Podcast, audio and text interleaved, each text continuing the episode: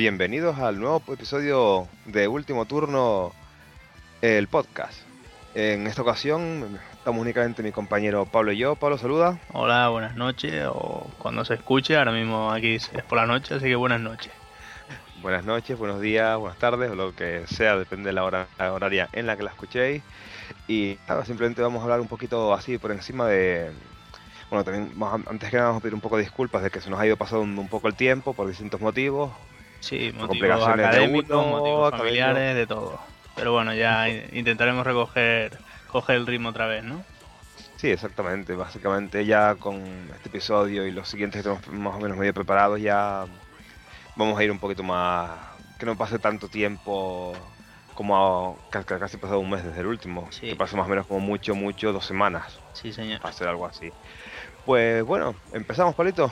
¿Qué me, Pues puedes contar por ahí? Vamos a ver, eh, lo más destacable de, de estos días fue el evento de las Edge Days, que fue el anterior fin de semana, en el que tú tuviste la suerte de asistir. Y bueno, te voy a preguntar, ya que yo no pude ir, un poco que me cuentes a mí y a los que nos escuchen cómo fue, ¿no? Así un poquito en general. De acuerdo. Pues bueno, primero que nada, no, aparte de ir a las Edge Days, coincidió que yo me fui para Madrid, estuve allí, pues sobre todo por el motivo de este, fe- de este, de este evento. Pero aparte también pude hacer otras cosillas aparte de los Edge Days. Pude, bueno, aparte de coincidir con Robert y con otro colega que no me recuerdo su nombre, que iban a Madrid y después iban a Zaragoza al Open Warhammer de- español. Sí, A ver si mañana les pregunto que qué tal quedaron. Eh, también, aparte de eso, fui, pude ver y probar los juegos de Squadra Games, que los, tendremos, que los tendremos en el podcast dentro de poco, va a ser una entrevista.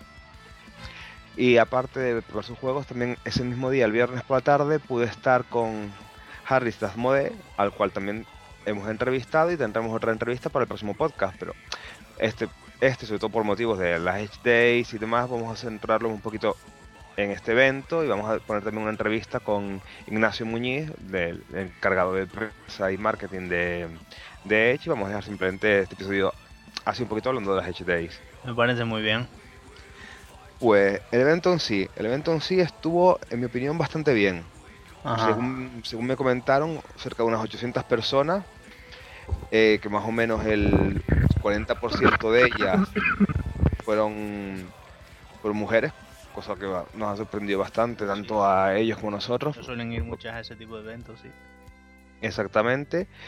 Pues eso, empezó el sábado por la mañana, nos congregaron allí a las 9, 9 y algo, lo que por motivos un poquito ajenos a Edge, sobre todo por el control del parque de atracciones, se demoró un poco bastante la entrada y yo sé que hubieron quejas por parte de los que iban a participar en los torneos de, de que se re- al retrasar tanto la entrada se tuvieron que hacer más tarde los torneos y no se les dio, por ejemplo, a los jugadores de Juegos de Tronos no pudieron eh, no jugaron exactamente como esperaban, tener todo el tiempo de las rondas que esperaban y Claro, su- claro, a- acortarlo. cortarlo un poco, ¿no?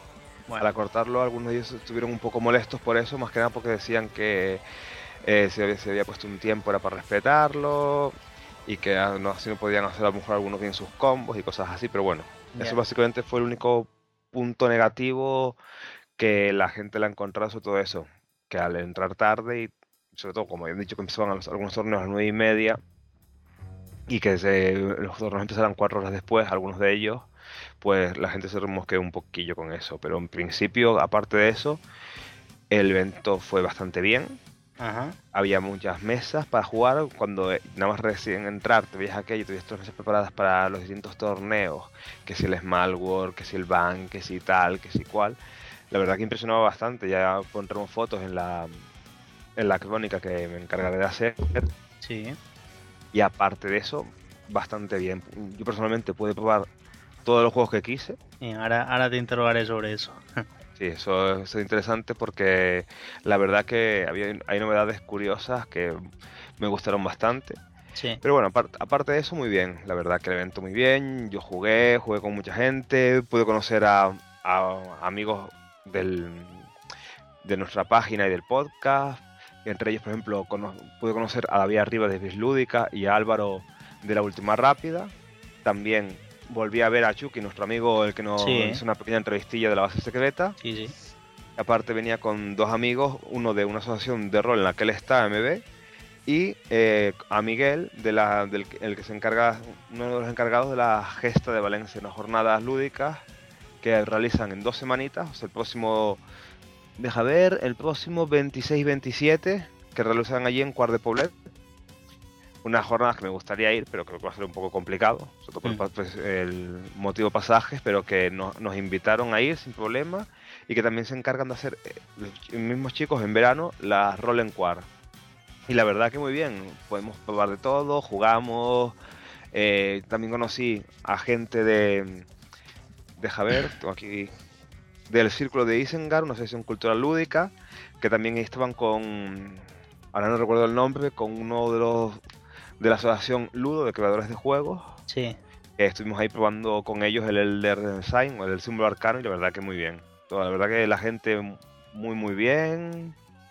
Se interesaban por los juegos, había muy buen rollo. Si a lo mejor algunos sabía jugar y otros no, y a lo mejor algunos de los monitores de Edge, por algún motivo, el que fuera no estaban ahí en ese momento o estaban explicando otra cosa, se lo podías preguntar a ellos y sin problema. La verdad que muy muy bien. Coño, pues me alegro mucho. Valió la pena, vaya, ¿no? Sí, la verdad que sí. La verdad que estuvo muy, bien. Bueno, Una pena que lo perdierais. pues sí. A ver, yo aquí tengo un listado de juegos que sé que presentaron en las Edge Days y que Sí. me consta que has jugado a todos.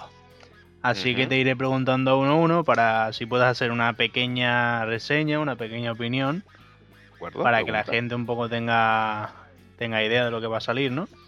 A ver, primero, por ejemplo, podemos ir con el de Star Wars, que me parece que nuestro compañero David lo está esperando bastante. Y hay dos Ajá. tipos, creo que hay uno de cartas y otro con miniaturas, ¿no? Sí, empiezo por ejemplo con el de miniaturas.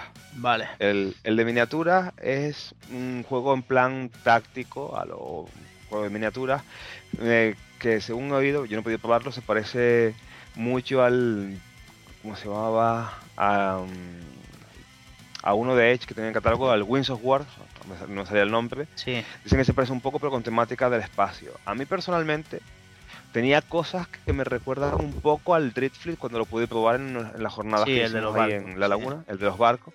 Tiene cosillas parecidas, en plan, los dos son juegos que mm, tienen sus naves, en plan juegas Imperio contra rebeldes. Ajá. Hay varios tipos de pilotos, cada uno tiene sus especiales, en plan, hay unos más torpes, otros más, más experimentados. Y tú coges en secreto, seleccionas qué maniobra quieres hacer de un dial. Dentro de esos diales eh, hay ya en plan giros cerrados a la derecha, giros cerrados a la izquierda y en plan giros un poco menos cerrados de 45 grados hacia ambos lados y un poco en plan como loop, bueno, looping no, una especie de tonel y cosillas así, en plan maniobras como esquivas para hacer movimientos. Pues tú seleccionas, lo pones, todo en secreto y después se levantan todos a la vez y empiezas a resolverlo desde el más del piloto más patoso al más experimentado Vale, vale, vale. vale. coges los las indicadores de flechas, eh, bueno, los movimientos, que ya vienen por sí en plan como unas reglas establecidas, en plan de 1, de 2, de 3, de 4 y de 5 movimientos, dependiendo de lo que hayas elegido, y lo vas colocando. Cuando haces eso, aparte tienes eh, que hacer un. elegir una acción. Haces movimiento y acción por cada jugador. Hay acciones específicas del Imperio, acciones específicas de los rebeldes, que no voy a entrar en ellas así en detalle ahora. Sí, sí, sí, no hace falta. Y después acciones en común. Tú seleccionas tu acción y si estás dentro del rango de ataque, que tienes una, una regla eh, del disparo, en plan a distancia corta, media o larga, Sí. dependiendo de la distancia en la que te encuentras, la acción que has hecho y demás, pues tiras dados. Que te pueden salir disparo en blanco, eh, daño normal o daño mm, especial o agravado, algo así, no recuerdo muy bien cómo, se, cómo era el Crítico, a lo mejor, algo así, ¿no? Crítico, De ese sí. estilo, ¿no?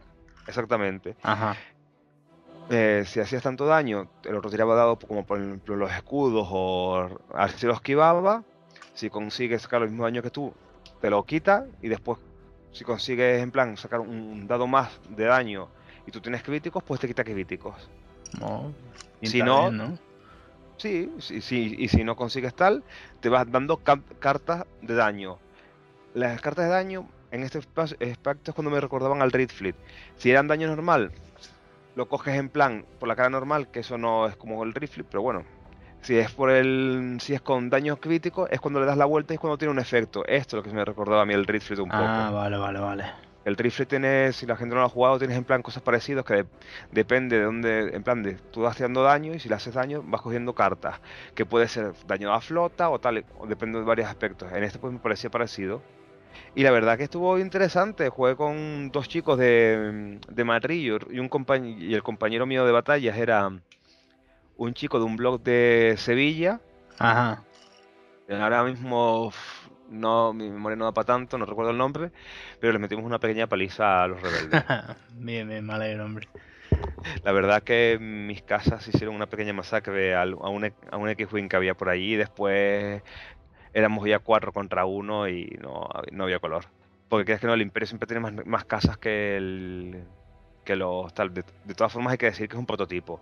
Todavía es un prototipo que está muy corto, que están todavía probando los Fantasy Flight Games en Estados Unidos y desde aquí hasta que llegue aquí tardará. Ah, a- a- Sí. Anécdota, anécdota curiosa, la Peña en Madrid, no sé si que sería gente tal, se mangaron hasta marcadores print and play hechos por los chicos de Edge Madre para ese mía. juego. O sea, yo quedé flipando. Hay Yo, que ser retorcido, ¿eh?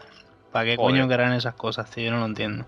Bueno, a, a Miguel, el compañero de. mm, al amigo de, de Chucky de Valencia, él llevó su, eh, su Mansiones de la Locura con todas sus figuras pintadas. Le quedaron los, los monstruos. Eh, los seis investigadores no desaparecieron. Joder. Sí. Pero bueno, ¿qué vamos a hacer? Hay cosas que a veces pasan así y no queda otra. Pues sí. Sigamos avanzando. El Sí. otro Star Wars, el coleccionable, bueno, el coleccionable no, el El de- Game, El de cartas, sí. exactamente. Me pareció muy curioso. Complicado a muerte, pero muy curioso. Ajá. Es en plan, Pero lo típico- complicado, ¿en qué sentido? es- el juego es un juego cooperativo. Está claro, si un juego cooperativo, si no es difícil, no, no es interesante. Suele pasar. Porque en plan, si lo, lo ves muy fácil, muy fácil, dices tú, "Pff, bueno, vale. Pero no, estaba, estaba Yo no sé si sería porque las cartas no fueron saliendo mal, porque al Imperio salieron unas cartas en las que te pasas, no lo sé. Pero bueno, Bueno, o sea, imagino que entonces será un poco suerte, ¿no? Que te toquen mejores o peores cartas. Aparte de saber jugarlas bien, ¿no? Depende de los mazos también, pero al menos por lo pronto nosotros, tipo, que en la primera partida nos metieron una paliza a Chucky y a mí, curiosa. Pero bueno, el juego tiene cosillas. Se- me recordó en parte al Señor de los Anillos Sí, en el modo de ir pasando las aventuras. Tienes Sí, que conseguir sí. tantos puntos de misión. con misiones, ¿no? Ya. Lo que pasa es que, a diferencia que el Señor de los Anillos, va pasando el tiempo y si en ese tiempo no lo consigues, avanza la misión y te hace efectos negativos si no has conseguido avanzar suficiente. También las naves tuyas son las que hacen que tengas los puntos para bajar, que eh, en plan para bajar las los nuevos personajes o nuevas cosas. Aquí, como en, por ejemplo en Juego de Tronos, si tienes una carta eh, con el mismo nombre, la puedes bajar gratis. Vale. Después, ¿qué más? Eh, hay, tienes como varias zonas de juegos, en plan la zona de, mm, del espacio y, después la zona de eh, ataque, reserva o misión. Ahí, ahí aparecerán también los enemigos del- de, la, de la misión que ya vayan a aparecer ellos, donde irán el imperio en distintas columnas depende del icono que tengan. Y después hay una carta especial que tú la sacas y te dice exactamente el orden de resolver los ataques. En plan, pues el imperio de esta columna ataca a esta columna, a- ataca a la columna de reserva. Vale, entiendo, Después, entiendo. la columna de, de ataque tuya ataca, por ejemplo, a la parte de, de misión del imperio. Después tal, y después te com- comparas al final de turno, en plan, la parte de misión tuya con la parte, por ejemplo, de reserva del imperio. Y la diferencia de puntos de misión es lo que es la misión que tú avanzas. Vale. Más o menos algo así. Y después, ¿qué más? Básicamente... mm, Ah, después de eso pasamos al combate eh, de naves. El combate de naves, tú no como imperio, como rebeldes nunca las atacas. Siempre te ataca el imperio. Ajá. Tú sí, tú. Lo que pasa es que te está atacando a tu base. Si la base es destruida, con si te meten 10 puntos de, de- de daño a la base, pierdes automáticamente tú y te quedas eliminado y queda tu compañero. Con lo cual tienes que intentar que no te, que no te maten, tener naves para proteger.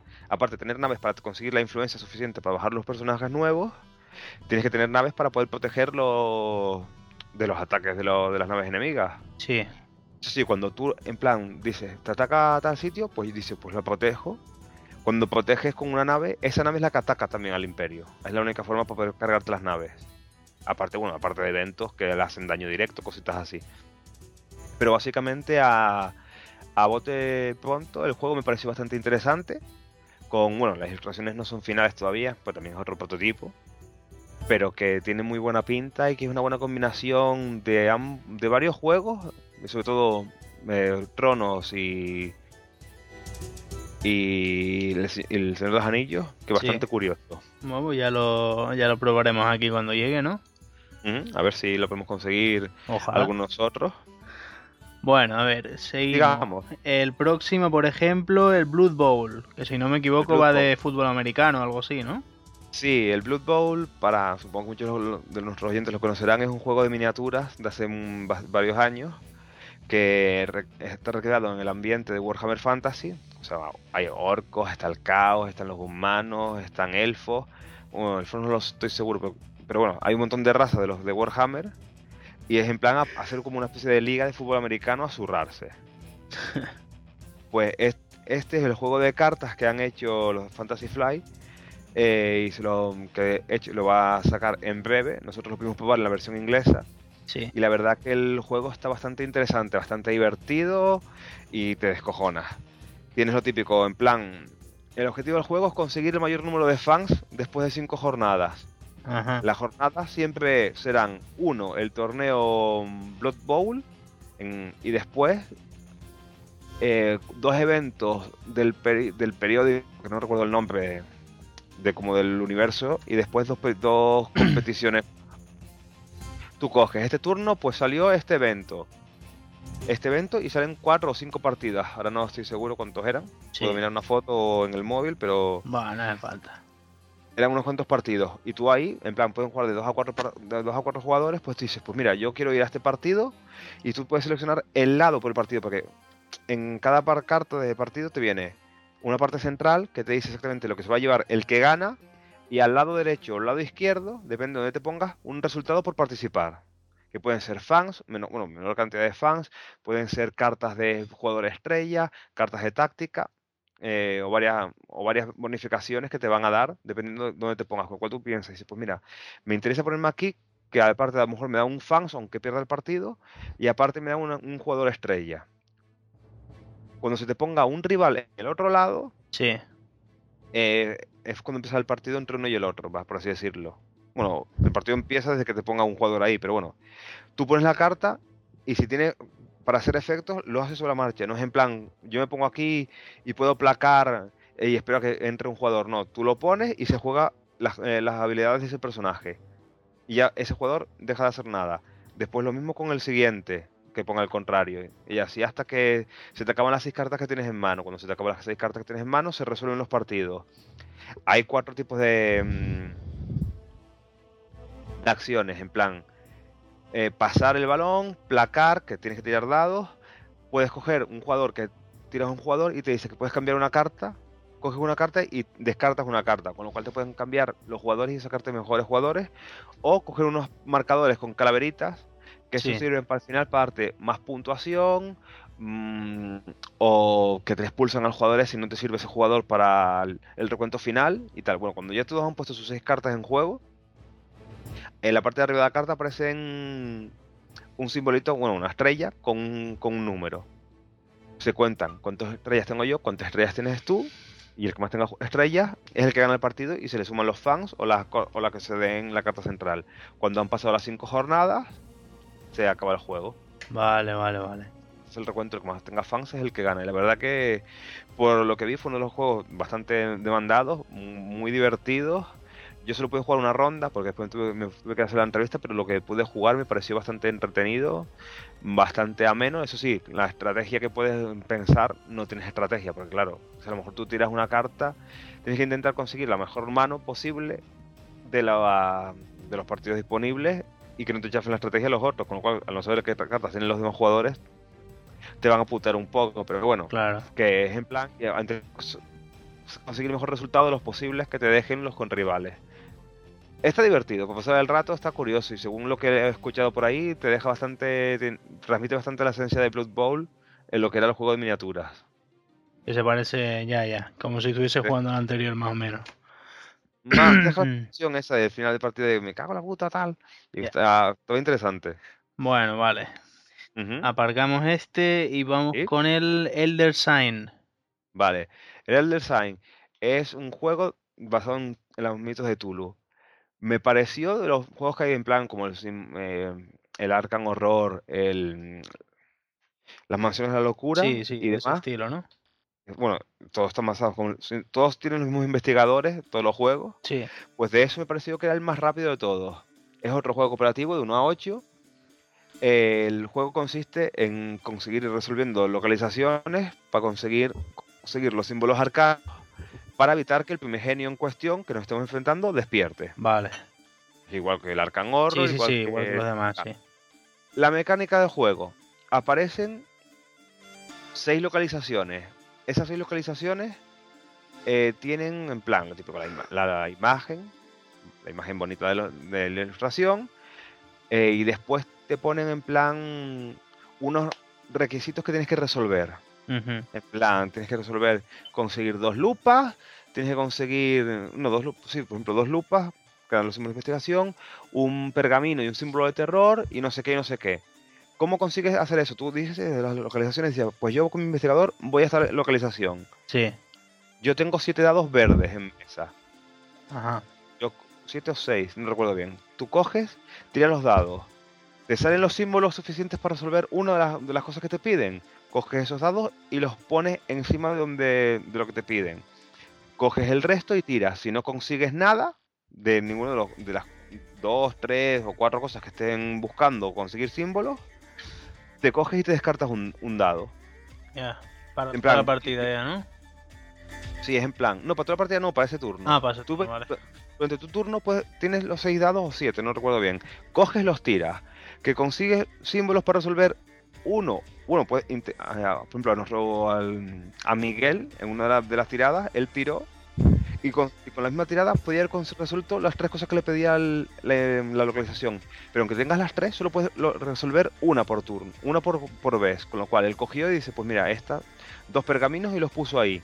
Cogió, volvió a tirar los dados. Mira, dos símbolos de investigación, pues los puso ahí. Y volvió a tirar y consiguió la otra. Cuando consigues resolver las tres cosas con las tiradas, mientras que te queden dados en la tirada, Sí. pasas. Imagínate que tienes que conseguir un pergamino y una calavera. Tiras y no consigues el pergamino y la calavera las dos juntas. Sí. Pues de los dados que te queden, descartas uno. Y sigues tirando así. Hasta que te quedes sin dados. Si no has conseguido resolver la localización en la tirada de los 6 7 dados, los descartas todos y empiezas de- y empieza el siguiente jugador otro turno. La verdad que es en plan bastante. componente de azar bastante curioso el juego. Bastante. Siempre tiras dados, tienes muchas posibilidades de, del azar. Lo que bueno, tienes ayudas en plan objeto. Hay objetos míticos, objetos únicos. Bueno, objetos únicos, objetos comunes, aliados y conjuros como en los, en los demás juegos. Sí. Que lo que hacen es darte un dado amarillo extra o un dado rojo extra que tienen símbolos especiales.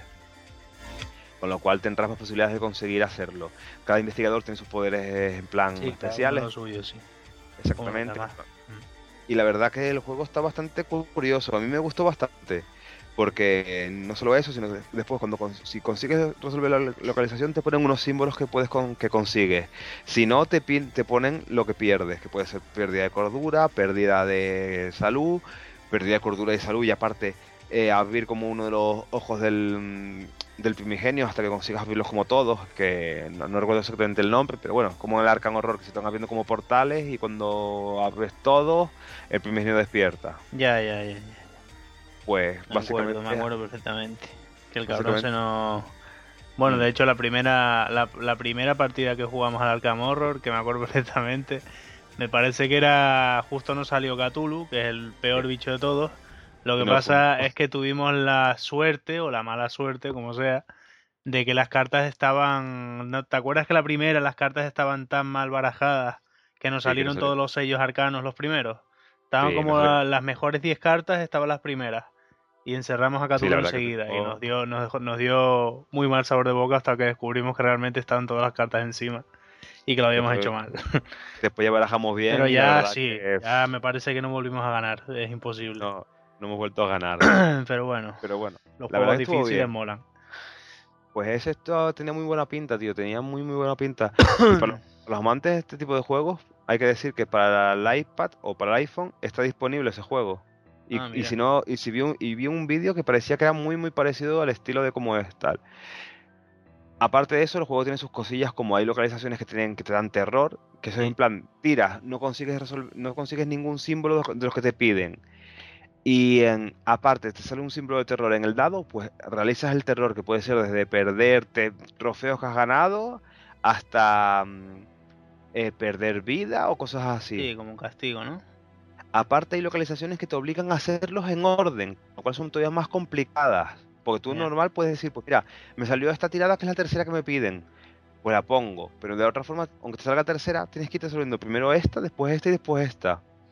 Cada localización o cada monstruo te va dando puntos. Esos puntos son trofeos que luego en tu turno puedes desgastar en ir a la tienda y, por ejemplo, para curarte la salud, curarte la cordura, curarte todo a la vez, o comprar símbolos arcanos y demás. Nosotros la verdad que estuvimos a puntito de ganar, nos faltaron dos símbolos arcanos, pero palmé, no nos dimos cuenta, y fue una localización, y, al fallarla, perdí la cordura suficiente, palmé, y yo tenía eh, cuatro, de los, cuatro o cinco símbolos arcanos, y al palmar los perdimos.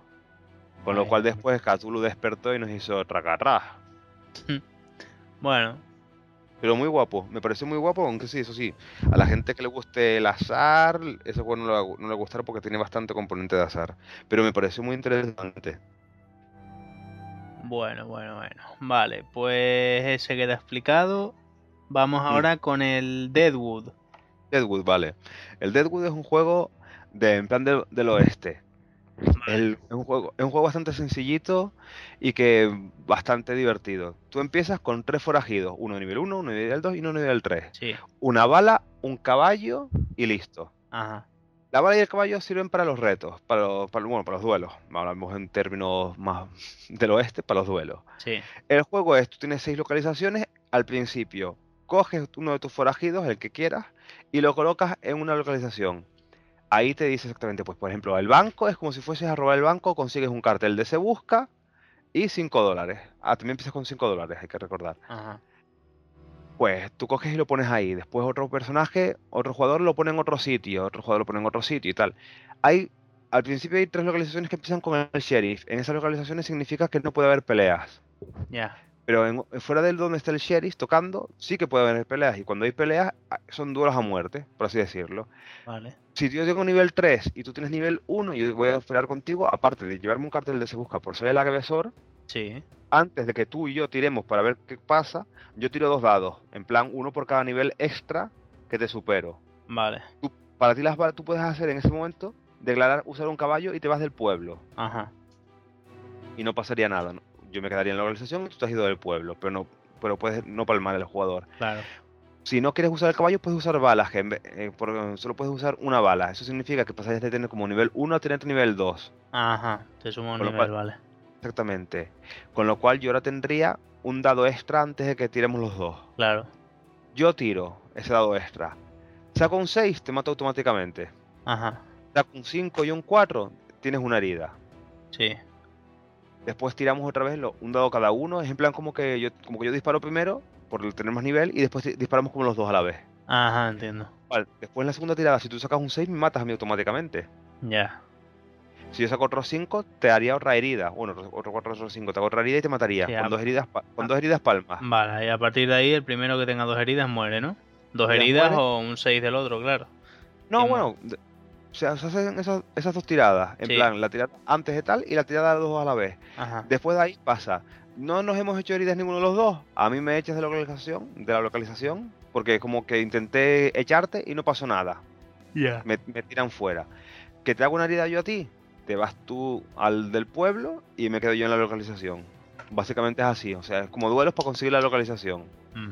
Hay, lo que pasa que en el juego, si palmas, palmas. No lo puedes recuperar, vas al cementerio. Y te, pero ya ni otro personaje ni nada. Ya tienes uno menos. Ah, tú en tu reserva ti- en tu reserva tienes dos de uno, dos de dos y dos de tres. Ah, Con lo cual, si, pal- si palmas uno, palmas. En, hay como el bar donde puedes contratar a, a nuevos personajes, que son los mismos que tienes, en plan los más que tienes. Pues eso, el juego acaba cuando se consigue, ahí está el ayuntamiento, que es para construir la vía del tren y aparte edificios. Eh, hay como cuatro vías del tren. Cuando la vía del tren llega hasta el sitio donde tiene que llegar, se acaba la partida. esa es la forma 1. La forma 2 de, acabar la partida es cuando se quedan todos sin jugadores. O sea, te has cargado a todos los demás. Vale, vale, que vale. complicado. Y la, y la zona 3 es cuando uno de los jugadores consigue 5 carteles de se busca. Bien. Cuando consigue 5 carteles de se busca, también se acaba. Se recuenta la pasta y se, y se ve quién es el ganador. El juego me pareció bastante divertido, bastante simplón. Bastante todo de explicar rápido, empezar a jugar rápido. Tiene componentes así, tiene su parte divertida, su parte de pensar un poco, su parte de puteo. Eh, y un juego bastante bueno como para arreglar por navidades. En plan, vayate las risas está guay. Hmm. Son partidas así rápidas y tal.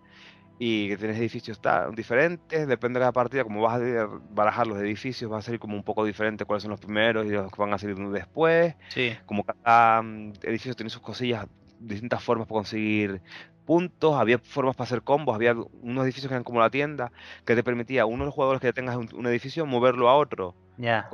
Nosotros teníamos, había dos tiendas en juego y tenemos en plan, pues yo cogí, tiré a un jugador a la tienda, y de la tienda movía otro a la otra tienda, y de la otra tienda movía otro, con lo cual conseguí tres cosas en, un tur- en el mismo turno.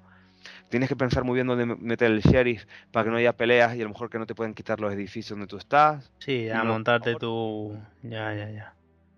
La verdad que estaba curioso, me pareció un juego divertido y que a- al final nos ganó Miguel, pero la verdad que estuvo muy guapo el juego, estuvo muy curioso, muy divertido sobre todo.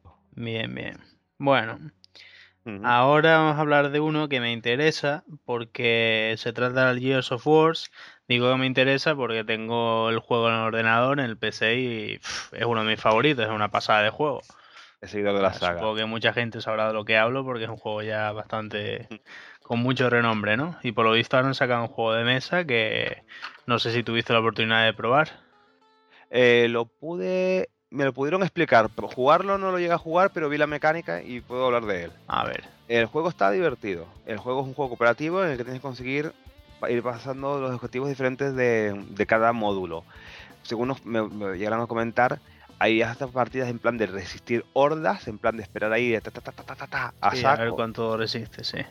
Otro también era en plan que se puede hacer en plan como una incursión de un equipo contra otro a conseguir la bandera.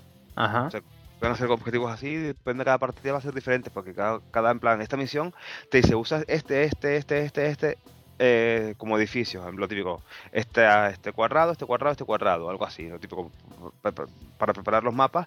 Lo que pasa que no tienes por qué hacerlo siempre en el mismo orden, por ejemplo, como hacen las locuras, que siempre es la misma aventura, Sí. por así decirlo, sino que lo- te puede salir una, en la misma misión de, una, de varias formas diferentes y demás.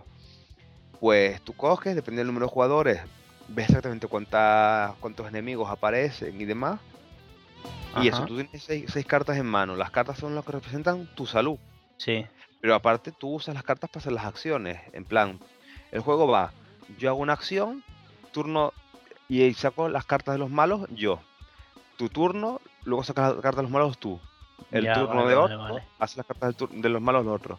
Con lo cual es un juego muy dinámico. En plan, pues yo en las cartas tengo desde, puedo hacer todo lo que ponga la carta. Hay cartas que te dan como dos o tres cosas diferentes, pero tienes que hacerlo en orden. Por ejemplo, dispara y después te mueves, o mueves y después disparas. Sí. Pero tienes que hacerlo en el orden que te ponga las cartas. Pero puedes hacerlo todo o no puedes hacer, o puedes hacer simplemente una de las cosas que te ponga. Eh, ¿Qué más? Básicamente es eso, en plan, tú tiras la carta y haces las, las acciones que te pongan en tu turno. Pero cuando está el turno de los enemigos, también puedes, o de los otros jugadores, puedes hacer, usar cartas en plan para seguir y en plan, tú coges y sigues a tu, a tu otro compañero todos los movimientos que haga él. O te atacan y te estás descubierto, pues tienes una carta que te ya ahora te fijas en otros símbolos diferentes, Sí. que son los que te dicen si son si seguir, si cubrirte o tener más escudo, que está puesto en otra parte de la carta. Pues tú coges y lo puedes usar, lo que pasa que si esa carta la usas, ya tienes menos cartas en mano y son menos puntos de vida que tienes. Claro. Cuando te quedas sin cartas, te quedas sin puntos de vida y te quedas como en el suelo medio sangrando y tiene que venir de un compañero tuyo, tirar una carta para que tú te puedas como te pueda curar. Vale, vale, vale, ya entiendo. O sea, es muy... Es un poco al final cooperativo también, ¿no? Es, es un juego cooperativo. Bueno, excepto que cuando no te toca a ti, tú usas los monstruos para cargarte a tus compañeros. No, no, no, no, no, no, no. Tú usas los monstruos para intentar conseguir lo mejor de Lo que menos afecta a todos. Ah, vale, vale. O sea, que el tú dentro del ataque de los monstruos intentas que no sea tan malo o algo así. Eh, bueno, tú haces el- lo que te ponga. El, tú no vas a moverlos como te dé la gana a ti. Ellos te dicen exactamente, pues tienes que mover a este tipo de monstruos de esta forma, o a este tipo de monstruos de tal otra, o atacan de tal forma. Lo que pasa es que tú eliges cuál, a lo mejor cuál mueves aquellos y cosas así. Ah, vale, vale, vale. Vale, vale, ahora sí lo entendí. Vale, vale. Juego completamente cooperativo y tienes que conseguir ir todos así porque si no van a dar de hostias. Claro, claro, claro. Juego en equipo, ¿no? Si no, no hay Exactamente. nada que hacer. Las miniaturas, hay que decirlo, son espectaculares. Sí. Y si yo la verdad que no, no he, no he podido jugar el juego y no sé exactamente, pero la gente que, se juega, que ha jugado al juego de ordenador de la Xbox Ujú. reconoce perfectamente a los héroes del juego cuando ve las miniaturas y a los monstruos, porque están súper realistas. Es- Y la verdad que me pareció muy curioso, muy rejugable, sobre todo por un montón de tipos de misiones diferentes, aparte de poder construirte tú tus misiones. Sí. Eh, y bastante curioso. Y el sistema así en plan con las cartas que son como tus puntos de vida. Porque tú luego cuando te vuelve a tu turno, robas dos cartas. Pero claro, si a lo mejor has jugado una carta en tu turno y otra carta fuera de tu turno, y a lo mejor has perdido otra carta porque has perdido un punto de salud, ya tienes un, un punto de salud menos de los que- dos que vas a recuperar. Ya, vale, vale. Con lo cual tienes que ir midiendo así y tal. En plan, lo recomendable es como ir avanzando todos, pero todos ir rápido. O avanzar rápido uno, o que consiga tapar una parte donde salen los enemigos, porque no sigan saliendo enemigos, Claro. Pero sin dejar de cubrirle a él y que ayudar a los demás. Con lo cual tiene sus cosillas. Estaba. Puede ser un poco angustioso, ya. pero guapo. La verdad que no tenía mala pinta. A lo mejor hay gente que es más de estrategia o que no le gustan los cooperativos que no le gustará, pero el juego no, no tenía mal aspecto y sobre todo muy cuidado gráficamente y el ma- material de las, las miniaturas y demás estaban muy muy cuidadas también, igual que la mansión de la locura. Vale, vale, vale. Bueno, interesante. Este, este también habrá que probarlo, ¿eh? Este le tengo ganas yo. Bien, eh, me quedan dos. Eh, por ejemplo, vamos con el Arcana. El Arcana.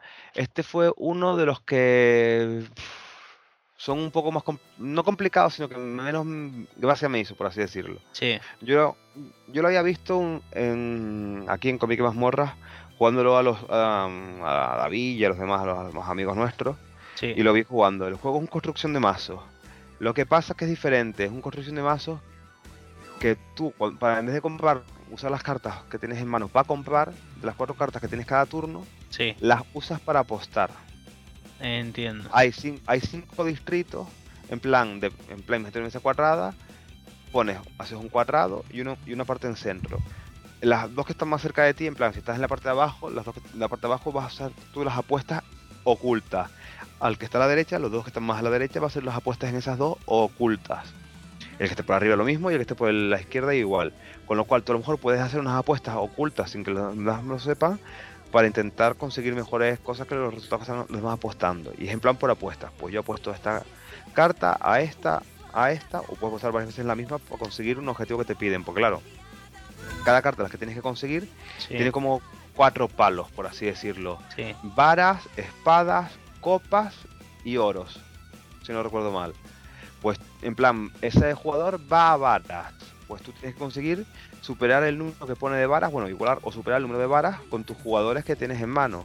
Si lo superas por más que los demás y tu, y tu gremio es el que, sobre todo, por ejemplo, hay, si es- en caso de empate, si eh, van a espadas y el gremio tuyo es el de espadas, tiene superioridad sobre la gente que no tiene espadas. Si es un objeto, en plan, hay gremios que tenían prioridad sobre objetos.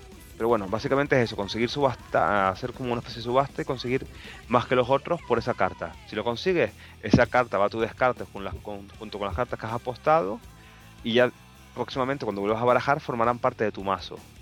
Ajá. Y hay cartas de lugares, de objetos y de personajes. Normalmente los, los lugares son los que más dan puntos, aparte de que ser, aparte de que son como eventos, cartas Sí. de eventos, que te permiten hacer putadillas, por así decirlo. Los personajes y objetos tienen valores desde 1 a 3 y los lugares normalmente son de 5. Cuando sale en el mazo central la carta del creo que es el conde o el duque, no estoy seguro, uno de los dos es, es cuando acaba la partida, o ese turno, o si sale después, el siguiente turno. Sería um, tal, pues después de eso se recortan la- los puntos y el que más puntos tenga gana. La, el mecánica no está mal, está un, le han cambiado un poco el sistema de, de construcción de mazos, pero no sé, no termino de calarme. de- personalmente no me terminó de convencer mucho. Uno de los que más o menos medio así, que no me terminaron de gustar. No está mal, el juego está bien, yo lo jugué, lo pasé bien, lo que pasa que no, no sé, he visto otros mejores Bueno, perso- personalmente, pero no, no es un juego malo y seguramente mucha gente le gusta. Por ejemplo, a Robert y si no recuerdo mal, a Nacho le encantaba. Compañeros de Comic Mazmorra les encanta. A mí no me pareció malo, pero tampoco. pues va, habrá que fiarse de su gusto y probarlo nosotros también, a ver. Exactamente, todo es cuestión de gusto. A lo Sí. mejor a mí me gusta un juego que a la gente le parece horrible. Claro. A mí, a mí, me, a mí no es que no me gustara, me pareció. Estaba bien, pero. Prefiero otro, por ejemplo, un Thunderstorm, un, un Dominio o un Rune Age antes que, que un Arcana, por ejemplo. Bien, pues de ese precisamente, con ese vamos a cerrar ya la, la sección de juegos con el Rune Age. Que este sí que, este sí que te gustó a ti, ¿no? espectacular. Me pareció espectacular. El juego, además, a mí, a mí solo no, a toda la gente que lo ha probado. Por ejemplo, Nacho de, de Eche está enganchado. Muchos de los que estaban allí estaban enganchados al juego. El juego es un juego de construcción de mazos también, basado en las, en las novelas de las tierras de Terrinos. Sí. Igual que el Tessen, igual que el Rune Wars y sí, demás. sí, sí. Con lo cual hay cuatro facciones. Están los no muertos, los, mm, los humanos, los elfos y los demonios raros estos que no recuerdo el nombre ahora, los Uru, los Usu creo que eran. Sí, Cada uno tiene sus tropas especiales. Pues a ver, el juego es, como construcción de mazos empiezas con un mazo espe- específico, que son 5 monedas de oro y 3 de las tropas de nivel 1. ajá. Tú coges 5 cartas, barajas y coges 5 cartas. Y con eso puedes comprar. Pero no es por ejemplo como el Dominion o Sanderson que se puedes comprar uno o, o más si te lo pones las cartas. Ahí puedes Sí. usar todo lo que tienes en mano para comprar todo lo que te dé la gana. Todo lo que puedas, ¿no? Sí, sí, con lo cual, imagínate tú tienes 5 de oro, pues puedes comprar uno de los de, tu, de, los- de tus tropas que, que te cuesta 5, Sí. o puedes comprar una de tus tropas que te cuesta 3 y 2 de 2, o 5 cartas de 1, o lo que quieras. Pero la cosa es que hay tres tipos de monedas en, en el juego. Está el oro, que es, es lo que sirve para comprar tus, eh, tus tropas. Mm, Está la influencia, que es lo que sirve para comprar, eh, por ejemplo, las monedas o objetos especiales. Y luego está la fuerza de tus tropas, que es para comprar, sobre todo, localizaciones. Ah, el juego hay que decir, hay como varios tipos de misiones, varios tipos de juegos. El que nosotros jugamos era el básico, que es el de intentar matar al- a un enemigo, que es el dragón. El, Sí. que mate el, el que mate el dragón es el que gana la partida. Eh, hay otros tipos de juegos que es cooperativo, que es para conseguir matar al dragón creo que entre todos, o matar una cantidad de fuerzas enemigas entre todos. Hay un juego que es simplemente meterse hostias entre todos Ajá. y tal. Aparte de eso, por ejemplo, las localizaciones que compras, bueno, que no compras, sino que como que conquistas con tu poder militar, una vez conquistadas las pones delante tuya. Tú puedes atacar a las, con, a las localizaciones de otros jugadores. Las, las de la tierra específica tuya, por ejemplo, un elfo, no. Pero las específicas del medio, sí. Esas sí que puedes conquistárselas. Sí. Y, y en plan peleas contra él. Las peleas son, yo cojo las fuerzas que tengo en mi mano y voy tirando. Yo tiro esta carta de dos, tú tiras una. Yo tiro tal, tú tiras otra. Y en plan tú dices, ya yo paso. Y en plan si yo tiro alguna que otra más y te supero en fuerza, te gano a ti te gano lo- la localización. Vale, Los vale, atacantes, los, los atacantes siempre tienen ventaja. Pero hay, y una vez después de acabado el combate, yo puedo seguir comprando o haber comprado antes, tanto con tipos de influencia como con pasta o con, o con fuerza militar. Sí. Pero siempre de tus cinco, dentro de tus cinco cartas que tienes en mano. Lo que pasa, claro, hay, hay tipos de combos específicos y demás. Lo bueno de este juego, cuando una carta es destruida, no va a la caja. Vuelve a donde, a donde fue comprada. Imagínate que tú coges y hieres una de tus tropas, pues tus tropas volvería a tu zona de donde puedes comprar más tropas. No, es- no, no es como, cada- como el Dominion o el Sanderson que la destruyen. Ya, que la puedes volver a invocar casi, ¿no? La, la puedes volver a comprar, exactamente. Vale, vale. Pero eso también pasa con las cartas centrales de tropas o, o cartas de mm, como de de eventos que te dan más de fuerza y cosas así. Vuelven a la zona central y después volver a comprar. Lo divertido, puedes atacar a tus contrincantes a sus eh, como localizaciones para robárselas. Sí. Puedes atacar a tus contrincantes a sus reinos para que intentar quitarle los 20 puntos de vida que tienen y si les consigues, en plan, somos cuatro y yo cojo y ataco, por ejemplo, te ataco a ti. Si te consigo quitarte los puntos que te faltan para llegar a 20, tú ya quedas eliminado y no sigues jugando el juego. Ya. Puedes llegar a eliminar a los otros tres jugadores, pero eso no significa que no, que no ganes. Que, bueno, eso, no, eso no significa que ganes, porque todavía no has ganado. Por ejemplo, en el objetivo del dragón, aunque yo hubiese eliminado a los otros tres jugadores, tengo que seguir matando al dragón antes de que el dragón me mate mi reino a mí. Vale, vale, vale. También hay cartas que te hacen puteo y te van destruyendo tu reino a ti. Vale. Porque cada, porque cada turno, cuando llega el jugador inicial, se saca otra carta. Una de las cartas como de instantáneas o enemigos, que van haciendo todos sus efectos. Tú puedes combatir contra los, eh, contra los enemigos, o puedes combatir contra el dragón y tal. La putada. Hay un, los enemigos normalmente tienen un dado, que significa dado de, mm, de cansancio, creo que era. O de agotamiento. Eso significa, tú tiras el dado, te sale un negro, no pasa nada, lo has conseguido matar. Si tienes la fuerza exacta. Que no tienes la fuerza, tienes la fuerza exacta y tiras un dado y te sale una calavera, una de tus tropas ha sido como extinguida por, em, por cansancio o por muerte. Sí. Y, y, quitas una de las cartas que tengas en que estés atacando. Imagínate tú vas con 18 justos y tus cartas, bueno, vas con 20, porque llevas únicamente llevas cuatro tropas y las cuatro tropas son de 5. Y si tienes que, si tienes que conseguir 18 puntos, creo que tienes que conseguir contra el dragón. Si tienes que quitar una carta, pierdes 5 puntos de daño, con lo cual no tienes 18, sino tienes 15. Claro. Con lo cual puedes perder hacia lo tonto un combate. Y hay un, y una de las cartas del lado tienes dos cartas a eliminar. Que esas dos cartas a eliminar te quitan dos tropas enteras que vuelven no a tu descarte, sino que vuelven a. son destruidas y vuelven a tu zona de origen. Con lo cual, tela. La verdad que el juego me pareció muy curioso, sobre todo con, aparte con los distintos tipos de juegos que hay, que cada partida a lo mejor puedes elegirte tú una raza diferente para poner una raza diferente, es bastante rejugable y bastante entretenido. Bien, bien. Pues ese, ese sí que veo yo que tiene que ser de los obligados. Ese sí que me pareció bueno, de los obligados obligados para poder que alguien se lo pillase, yo pienso que el Rune Age, sin duda. Sí. Eh, el Deadwood, bastante entretenido también. Y el Blood Bowl serían así los más que. Mm, bueno, y el Elder Sign son los que más, más, me llamaron. Los demás también están bastante bien. Pero sobre todo el Rune Age, yo creo que es un obligatorio. Bueno, pues mira, para acabar, mm, mm. te puedes mojar un poco. Y me puedes decir cuál es el que más te gustó y cuál es el que menos te gustó de los que viste? Pues yo creo que hemos nuestro comentado, el que más me gustó yo diría que fue el Rune Age. Sí, eso ya, ya me lo imaginaba. Te, podía hacer hasta un ranking veo yo. el Rune Age diría que fue el que más me gustó. Sí. Después yo diría que el Elder, seguramente. El Sign, sí. El Elder junto con el Blood Bowl. El Deadwood, eh, Gears of War. Sí.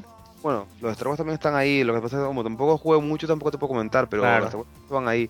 Y Arcana yo diría que sería el último, pero sobre todo el Rune Age y, eh, y los otros estaban muy espectaculares. Eh.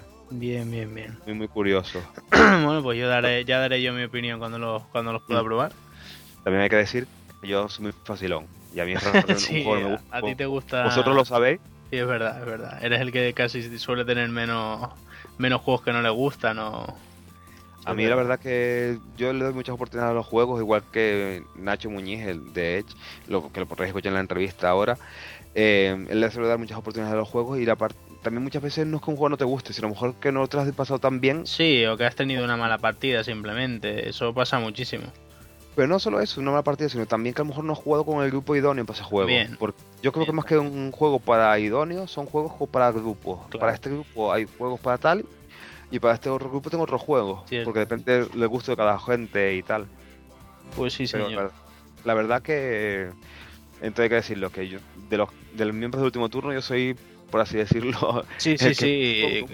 tienes toda razón. Ahora mismo no se me ocurre ninguno, pero yo creo que con algún juego me ha pasado que por tener una, yo qué sé, probarlo de mal humor o tener una partida mala o algo así, ya no lo he vuelto a tocar. Y a lo mejor me estoy perdiendo un buen juego solo por esa chorrada. Pero ya ves.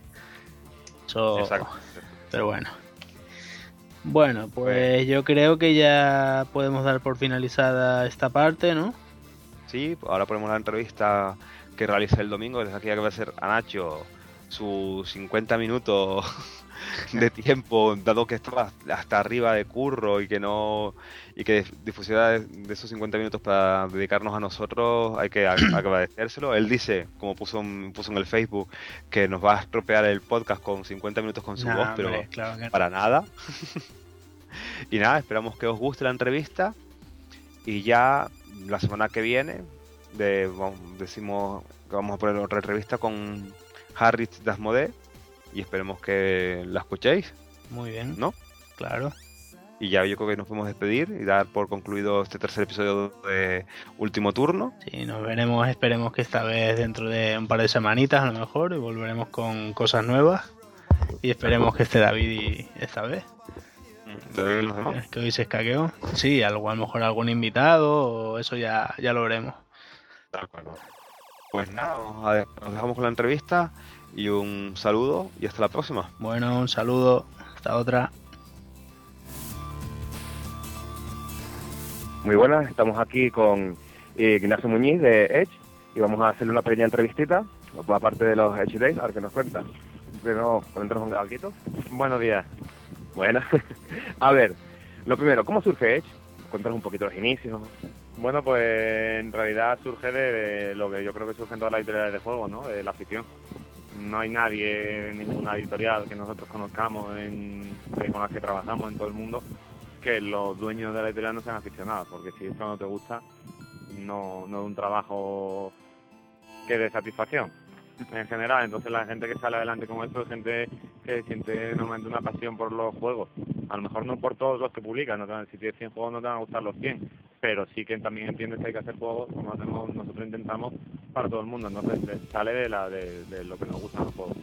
A la gente que la inició en, en un primer momento. De acuerdo. Eh, diferencias entre Edge España y Edge Francia. ¿Quién es la filial de quién? Nadie es filial de nadie. Eh, y Ubi, que estuvieron colaborando en muchas cosas durante muchos años. Y, nos dimos cuenta que, esa fusión en lo que se refiere al nombre de la empresa y a la imagen, pues podía ayudarnos a, todo un poco. Sobre todo porque, bueno, este mundillo es complicado a veces y, hay cosas, pues por ejemplo, ahora estamos sacando algunos juegos como The o, o The Adventures el juego viene de idiomas, ¿no? Y eso facilita mucho las cosas, que lleven dos reglamentos en vez de uno y tienes que hacer un reglamento más, pero tiene el mismo juego para España y para Francia, se fabrica a la vez, se reducen costes y se intenta, en todo constantemente estamos intentando ajustar costes, porque claro, la crisis y cómo funcionan las cosas, nadie se escapa que los costes de, de todo suben. El papel es más caro, entonces el de la imprenta, el papel cuesta mucho más que hace dos años o que hace un año. Eh, todo, ¿no? Entonces esos costes, mm, la mayor manera, la mejor manera de que no repercutan y los juegos, la mayoría de los que tenemos siguen costando lo mismo que hace 5 o 6 años, es mm, buscar una reducción de costes de alguna manera. Entonces, bueno, pero no hay, no hay filial. Eh, son dos empresas independientes que, compartimos nombre porque sobre todo y también se ha llegado ahí por amistad, por años de trabajo juntos y de, y, de conocernos y de hacer muchas cosas y, y bueno, la verdad que mm, estamos muy contentos. Es más, hemos integrado mucho, pues por ejemplo, mi, la persona que hace el mismo trabajo que yo de marketing y comunicación en Francia, pues por ejemplo trabaja en la oficina de Sevilla. Un chico que es belga, habla francés y se dedica solo a Francia, pero trabaja con nosotros porque nos facilita mucho trabajar juntos las cosas. Ok, perfecto. ¿Cómo es el día a día de tu trabajo? ¿Qué aplicaciones tienes? ¿Mucho tiempo para jugar? No, tiempo para jugar ninguno. Nosotros jugamos todos, prácticamente, todos, todos jugamos, unos mucho, otros menos, pero todos jugamos. Mm, y tiempo para jugar en el trabajo no hay. En el trabajo nosotros lo que hacemos es trabajar. Entonces, pues para mí un día de trabajo llegar allí, responder todos los mails que hayan llegado, hacer todas las noticias que veis todos los días en la página web. Intentamos que haya siempre noticias a diario informando de todo porque siempre hemos sentido una demanda importante de los jugadores de información eh, actualizar las fechas de lanzamiento de productos para que la gente siga informada también en esto, que es de las cosas que más pregunta la gente. Me encargo de los problemas que pueda tener la gente con defectuoso, de enviarle una pieza que le ha faltado un juego o, cosas de ese estilo. Todo el trato con asociaciones, jornadas. La verdad que es bastante amplio. Por juegos, de un poco. somos 10 personas en este entertainment, entonces cada uno tiene su función, pero aparte luego hacemos todas muchas cosas juntos. Jugar, sí, claro, los viernes por la tarde, los sábados, los domingos, los viernes por la tarde, bien de viernes probamos prototipos en casa de, uno de nosotros, o en la oficina nos quedamos por la tarde y, jugamos a, a prototipos que nos mandan probamos los juegos que publicamos, probamos otros juegos que no publicamos que también nos gusta, jugamos a todos. Jugamos a todos. De acuerdo, y ahora hablando de cuando probáis juegos, prototipos, ¿cómo llegáis a decir y decir este juego vale, este juego no vale? Es muy complicado. Es muy complicado. Hay muchísimos juegos que valen, se presentan muchos prototipos muy buenos, pero el mercado puede absorber lo que puede absorber. Entonces tú no puedes publicar todos los prototipos que te gusten.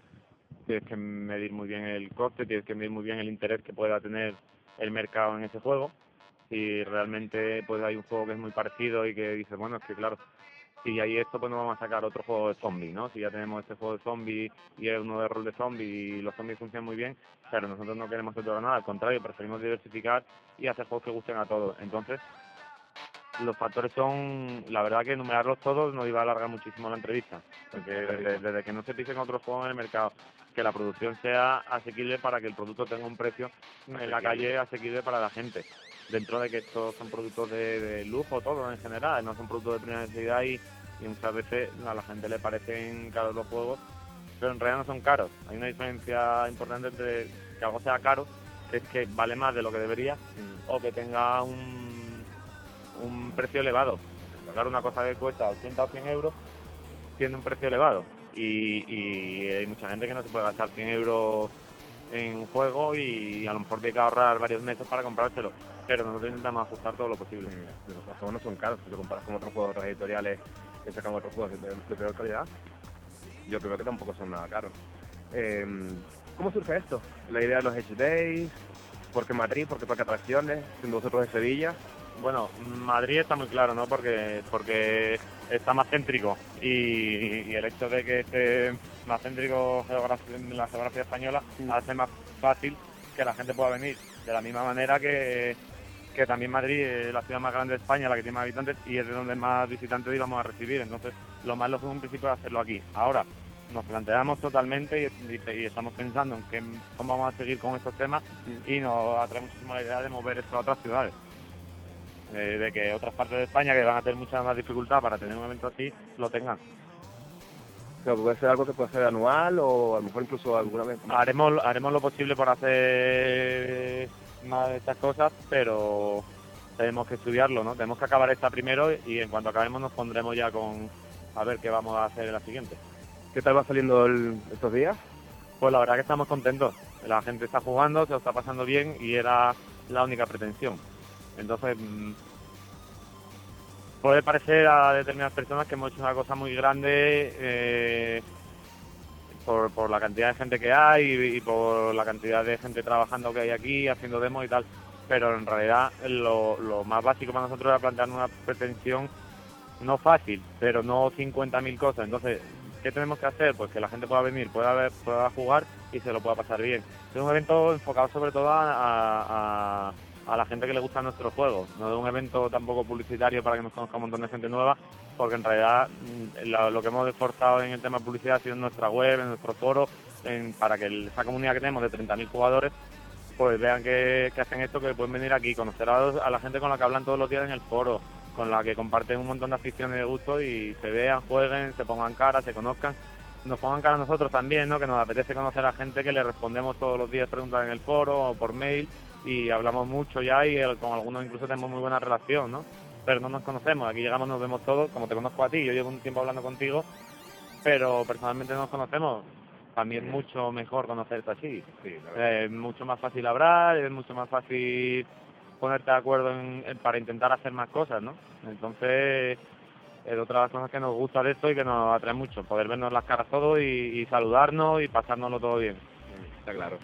Eh, veamos, ¿Cómo surgió este gran acuerdo con Fantasy Flight Games? Bueno, a base de trabajo, ¿no? De, nosotros empezamos, pues de los primeros juegos que, yo recuerdo que se en España, así de esta nueva hora de juego, eh, pues estaba Ciudadela ahí, ¿no? Eh, lo publicamos ya hace unos cuantos años y, nos atraía ese mundo de, más juegos, ¿no? Que en aquel momento hacíamos mucho más rol y, y vamos más. Eh, hacíamos más o menos el rol como ahora, pero menos de de otro tipo de juegos y empezamos a hacer esos juegos vimos juegos de Fantasy Flight que nos gustaban y empezamos a, a hacer juegos con ellos. Hasta que llega un momento ya que, que a base de trabajar juntos, pues la relación se va estrechando, hacemos más cosas juntos, hacemos su página web, hacemos todo lo que podemos colaborar, igual que ellos colaboran con nosotros para muchas cosas, ¿no? Ah, ok. ¿Y vais a traer- intentar traer todo el catálogo que podáis para acá o...? No, No. lo que veáis. Sí, los juegos, pues cada juego se estudia de forma individual. Cada licencia se hace de forma individual. No, no hacemos paquetes de vamos a publicar este, este y este. No. Nos vemos cada juego, mm, lo probamos. Normalmente, o pues cuando nos vemos con, con la gente de Fantasy Fly, con Chris Peterson, por ejemplo, para en Essen. Después de Essen hemos estado unos días juntos en Francia para, pues, para ver qué vamos a hacer, qué no. En febrero nos vamos a Indianápolis a, a pasar frío de menos 30 grados, pero a hablar con ellos, probar los juegos, ver qué juegos van en nuestro mercado, porque también es un mercado diferente del americano en cierta medida, pero bueno, cada vez más parecido y, elegimos lo que nos gusta. Nos gusta. La verdad que también pensamos que están haciendo un trabajo muy bueno. Mm, Determinados autores de juegos como Cory Connecticut, Kevin Wilson con Destiny, por ejemplo, Civilization, eh, Cory Connecticut con Gears of War, Battlestar Galactica, son juegos que nos parece que, han dado un paso adelante en mecánica, en diversión, en abrirlo da mucho más público por, por variedad, ¿no?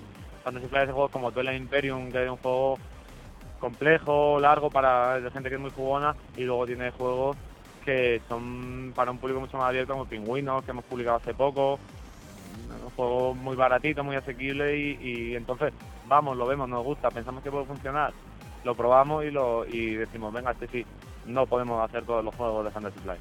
Fantasy Flight son 100 personas, nosotros somos 10. Una pequeña diferencia. Eh, hablando del, del Twilight, ¿alguna vez en español? Nos encantaría, somos fans, mm, es complicado. Es un juego que es imposible publicar en España por nuestra cuenta, por, por los costes, porque para hacer las unidades que nosotros trabajamos en el mercado español no, no se podría hacer a un precio ni parecido al americano, tendría que ser muchísimo más caro y no nos lo planteamos. Si en algún momento hay una posibilidad de participar en una impresión internacional con Fantasy Fly Edge Francia, pues entonces sí, por supuesto nos lo plantearíamos porque nos encanta todo el imperio. Ok. Es una parte de una espinita que tenemos ahí clavada de no haber podido sacarlo todavía, pero vamos, Que nos la hemos quitado un poco con Runewatch. Pero Twilight sigue ahí esperando que algún día llegue su momento. A ver, espero que lo podamos hacer. A ver. ¿Y del Rune? ¿De Rune One? ¿Una ampliación para más de cuatro jugadores? ¿De, de Ya, ya está anunciada por parte de Fantasy Fly y esperamos poder hacerla también. Pero la próxima no era... mm, Yo pensaba que era... un- Ay, perdona, me, me, me he confundido con. Civilization. Ah, vale, vale. Que la verdad que yo soy muy fan de los dos, pero eh, me muerdo la uña esperando a, a- a que tengamos la pensión de Civilization porque me encanta. Pero vamos, Runner Wars tiene, algo- tiene anunciada Banners of War, Ujú. de la, la nueva expansión, y luego, como siempre, las expansiones, mm, rara vez, salvo por ejemplo un LCG, que sí se tiene que planificar este tipo de juegos con, con antelación, tienes que tener hecho muchos ciclos para probarlo y que las cartas funcionen unas con otras. En estos juegos no hay tanta antelación, muchas veces depende de la demanda. O sea, cuando mucha gente te dice, tío, mm, Civilization nos gustaría con cinco jugadores, pues entonces se hace. Eh, o, o hay mucha demanda de la gente le gusta mucho el juego, pues dice, tío, la gente quiere más de, de este juego, ¿no? Pasa claramente con Arkham Horror. Salió Arkham Horror, fue un juego que hicieron, era una reedición como se ha hecho de, de otro juego de Game Workshop que ha reeditado Fantasy Flight, pero claro, tuvo tal éxito que, que la gente quería más Arkham Horror, más Arkham Horror. Arkham Horror eh, está ya, le queda Miskatonic Horror y no sabemos muy bien si después va a haber más cosas o no, pero parece que está llegando un poco al final y aún así a nosotros nos da la impresión de que la gente sigue queriendo más. Entonces, bueno, al final depende de eso. Mm. Que un juego tenga expansión o no, depende de eso. Tú sacas una expansión, la compra muchísima gente, pues te, están, eh, te deja claro que el feedback de ventas te deja claro que la gente quería eso. Entonces, si no, si la no funciona, pues está claro que el juego no va a tener más expansiones. Ok. Ahora que estamos hablando de un poquito de acción en su momento, ¿algún acuerdo interesante, alguna novedad curiosa? La verdad que yo, la verdad que yo creo que este año hemos hecho un esfuerzo importante en, en, en una de nuestras pasiones, ¿no? Nuestra pasión en los juegos, pero nosotros sobre todo la, may- la mayor parte, aunque jugamos a todos, somos roleros. Este año hemos intentado hacer un esfuerzo muy grande con el rol, mm, teniendo pues eh, siguiendo seguimos sacando ampliaciones para para los juegos de las líneas que, tenemos. Hemos empezado la línea de Warhammer Fantasy que la verdad que nos ilusiona muchísimo porque creemos que es en parte lo que necesita una nueva generación de jugadores, necesita un pequeño cambio de los juegos que a nosotros nos gustaban los formar, ¿no? Mm, Un sistema diferente que facilita las cosas y que aparte de eso pues seguimos con juegos que nos gustan, vamos a publicar Fiasco, que esperemos que vea la luz antes del final de año, Eh, vamos a publicar ¿qué más? Tenemos más rol. La verdad que tengo yo y la cabeza con todo con todo lo de Jedi, pero bueno, la llamada de Tulu, por supuesto, que nos ha llevado tres años, pero yo creo que la espera va a merecer la pena. Hoy vamos a hacer una presentación aquí, la gente va a poder ver todo el libro. La gente ya lo ha estado viendo, ha tenido aquí la pantalla y la verdad que le ha gustado y, y pensamos que los resultados a la gente le va a gustar. Hemos hecho una edición de coleccionista de la llama de Tulu, que, que era algo que, como ya hemos dicho a veces, lo, lo que a nosotros nos hubiera gustado comprar, ¿no? Un poco con la... Es de coleccionista, pero tiene un poco el, el feeling de la primera caja, de la primera edición de la llama de Tulu, en la que contenía todo lo que hacía falta para jugar, las fichas, los dados, el libro, el- un mapa, ¿no? Como, como contenido adicional. Y bueno, te puedo decir en primicia así que, que el prepedido de la llama de Tulu llevará como regalo el- la nueva novela que hemos anunciado de relatos de los nuevos mitos de Tulu. Entonces toda la gente que, que haga el prepedido de la, de la caja negra, tanto en nuestra tienda online como en tiendas físicas, van a llevarse de regalo esa novela que todavía no se ha publicado y saldrá a la venta probablemente el mismo día que se la llama Tulu, 9 de diciembre. Yo creo que un día va a apuntarse en el calendario. Vale, perfecto. Tendremos de ese día el libro, la pantalla, la edición de coleccionista y la novela. Mm, interesante. Veamos, porque nosotros somos canarios. ¿Va a haber dentro de poco, corto tiempo, alguna promoción para Canarias? ¿Y estáis contentos con la promoción que se os dio en la Tenerife Land Party? Bueno, la- Vamos, con el Tenerife Land Party estamos encantados por, por varios factores. Ha, ha colaborado con nosotros la gente de, de Comi Mazmorra, efectivamente, ha colaborado, ha colaborado con nosotros la organización de la Tenerife Land Party y ha colaborado con nosotros mm, Último Turno, señor Jaime Polo y, y compañía. Y, la verdad que el feedback que tenemos de ellos es muy bueno, nos han dado muy buenas indicaciones de ellos y de vosotros, muy buenas indicaciones de, las cosas que han ido bien, las cosas que podemos hacer mejor y la verdad que esperamos seguir así. Yo soy la persona que se encarga de esto y, y este año estamos haciendo también mucho esfuerzo con, con colaborar con las jornadas, con las asociaciones. Lo que es imposible es colaborar con todas, porque en España hay 300, 400, 500 asociaciones y hay actividades todos los fines de semana varias. Entonces, mm, entendemos que lo mejor es diversificar todo lo posible y, y, y si sabes colaboro contigo y, y, a, y a otra asociación le he tenido que decir que no porque no puede ser todas, pues a lo mejor la próxima vez a la otra le voy a decir que sí y, a, y a otra que no, ¿no? Pero seguiremos haciendo este esfuerzo cada vez más con la gente de blogs, con la gente de, de asociaciones, con la gente de tiendas, que estamos también intentando trabajar mucho más en conjunto lo que son las demos en tiendas y, y la promoción para también para ayudar a las tiendas, ¿no? Que en esta en esta fecha les hace falta con lo complicado que está la situación económica, un poco de apoyo, ¿no? Para vender los juegos y para y para que los negocios sigan funcionando y esto no se lo lleve la crisis. Entonces nosotros ahí estamos. Intentaremos hacer todo lo posible. Hay que probar un, un, a veces un, chico dice, oye, voy a hacer una inversión ex- brutal en un juego que no juego y luego no me gusta. A veces es interesante Sí, probarlo. eh. Siempre. Hombre, nosotros para eso, lo que todo lo que está en nuestra mano, estamos poniendo todos los reglamentos antes de que el juego salga a la venta, para que por lo menos te puedas hacer una idea y decidir si te gusta ese tipo de juego o no. Estamos poniendo en todos los juegos que podemos vídeos tutoriales de, de cómo se juega para lo mismo. Y aquí, sobre todo, eh, y aquí y en, la, y en todas las jornadas que se hacen en, en Córdoba, en Granollers, en la Gesta de Valencia, en... la verdad que me da rabia haber nombrado algunas ya porque no las voy a poder nombrar todas y, y me gustaría. Sí, pero que es Me- no, me gustaría porque hay gente que al final hace una labor por amor al juego y que, y que la mayoría de los que estamos, por ejemplo, aquí trabajando, no en Edge, sino yo creo que en la mayoría de las editoriales hemos pasado por ahí antes. Hemos estado ahí, hemos estado en asociaciones, ¿no? Pues eh, colaborando, pues en aquella época no había tantos juegos de tablero como ahora, pero en la Decencia, por ejemplo, en la LCJR, cuando cuando todas estas cosas movían mucho más rol que, que juego de tablero, ¿no? Que ha ido cambiando y parece que el juego de tablero está entrando a, a otro público, pero la idea es seguir así, vamos, colaborando con todos ellos, con todos los que podamos y, y sobre todo que entre todos le demos un empuje a los juegos para que sigan como van. Tampoco tampoco nosotros estamos muy contentos con, con la respuesta que está teniendo hablamos mucho últimamente de nuevos juegos de mesa y tal, y, y lo que nos tenemos que ser conscientes también es que con los nuevos juegos de mesa lo que traen son nuevos jugadores, es algo fantástico. Hay gente también muchas veces con otra mentalidad, porque a lo mejor llevan jugando toda la vida, pero les encanta jugar. Tú has visto la gente que hay hoy aquí y la verdad que una- es muy representativo.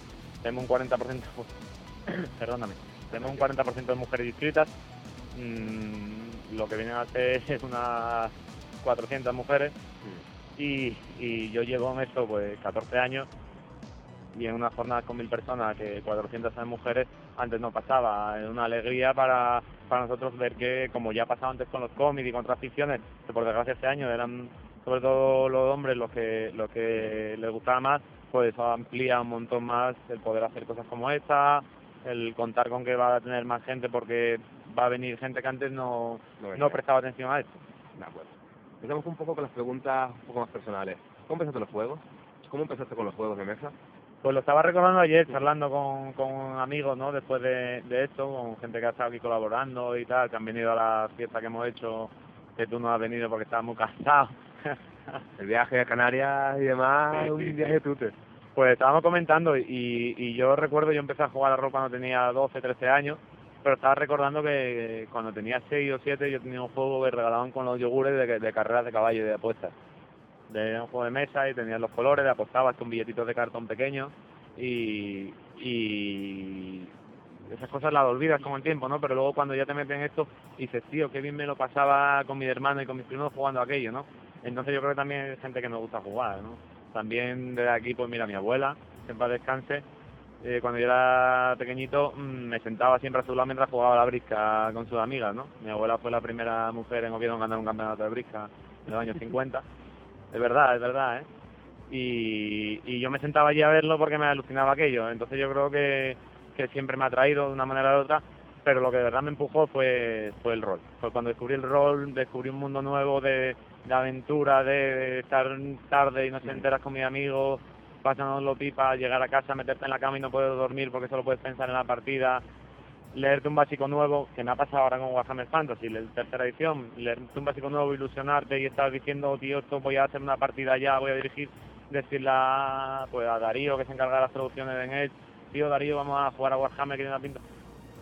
Hemos seguido así, un poco, ¿no? Tenemos entre 35 40 años y quedamos todos los viernes por la noche para jugar. Ah, por la tarde muchas veces probamos juegos y prototipos y yo por la noche me voy con Darío, con José Luis que hace las maquetas y con algunos amigos más que no tienen nada que ver con el mundillo de, de- de editorial ni demás, pero son nuestros amigos de con los que jugamos a rol y viernes por la noche nos hacemos nuestra partida de- del rastro de Tulu, de, de lo que sea, de nuestro juego y de, y de otros juegos, de lo que sea. Yo creo que eso no... Hay mucha gente que no- nos gusta tanto que no vemos un fin en esto. O sea, nuestra ilusión es seguir jugando siempre. Nuestra ilusión es seguir pasándonos bien y, y yo que yo el viernes por la noche, aunque lleve toda la semana corrigiendo juegos y leyéndome reglamentos, yo llego el, jue- el viernes por la noche y me pruebo el Rune Age y digo, tío, cuando vi cuando he visto cómo iba y le he pillado el punto al tercer turno, se me ha puesto una sonrisa en la cara, pues esa ilusión eh, para mí es todo.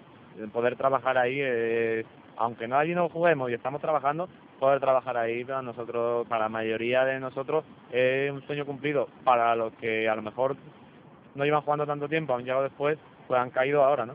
Han caído en los últimos 3, 4 años porque están ahí, pues se han puesto a jugar a este, a lo otro y con tantos juegos diferentes es fácil, Sí, muy fácil fácil, que te meter a cuenten uno un montón. De acuerdo. El primer juego que, que compraste te regalaron. el primer juego que yo compré. Eh, el, el primer juego que me regalaron fue RuneQuest. El primer juego que tuve fue RuneQuest. Fue RuneQuest de Edición de Job. Eh, ese fue el primer juego que me regaló a mí. Yo tengo 35 años, pues de aquello yo tenía eso, 12, 13. Más o menos, creo recordar, ya te digo de memoria. También Señor de los Anillos fue de los primeros. eh, el, mi pasión ahí al principio fue, fue el de Strombinger.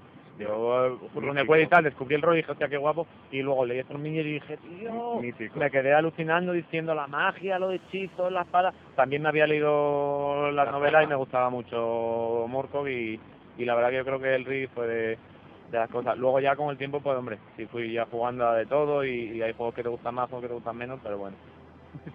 Yo Ah. juego a todo, absolutamente a todo. Ok. ¿Has diseñado algún juego? No. ¿Alguien de Edge? Sí, sí, alguien de sí. Lo que pasa es que nosotros vemos que, que hay una entre la sí la comunidad de jugadores en general, el feedback que tenemos es que hay una, una a veces una cierta confusión con lo que hacemos las editoriales, ¿no? Nosotros somos una editorial de juegos. Eh, está claro que somos aficionados, ¿no? Y hay mucha gente, yo que sé, pues Chris Petersen es el, el, el jefe en Fantasy Flight y ha hecho todo el Imperium. Pues ya ves, eh, ¿qué le vamos a decir? Nosotros editamos sobre todo. Sí que hemos hecho algunos juegos y tenemos juegos nuestros que nos gusta y, y lo hemos publicado y tal, pero no, no tenemos esas ganas de publicar nuestros juegos.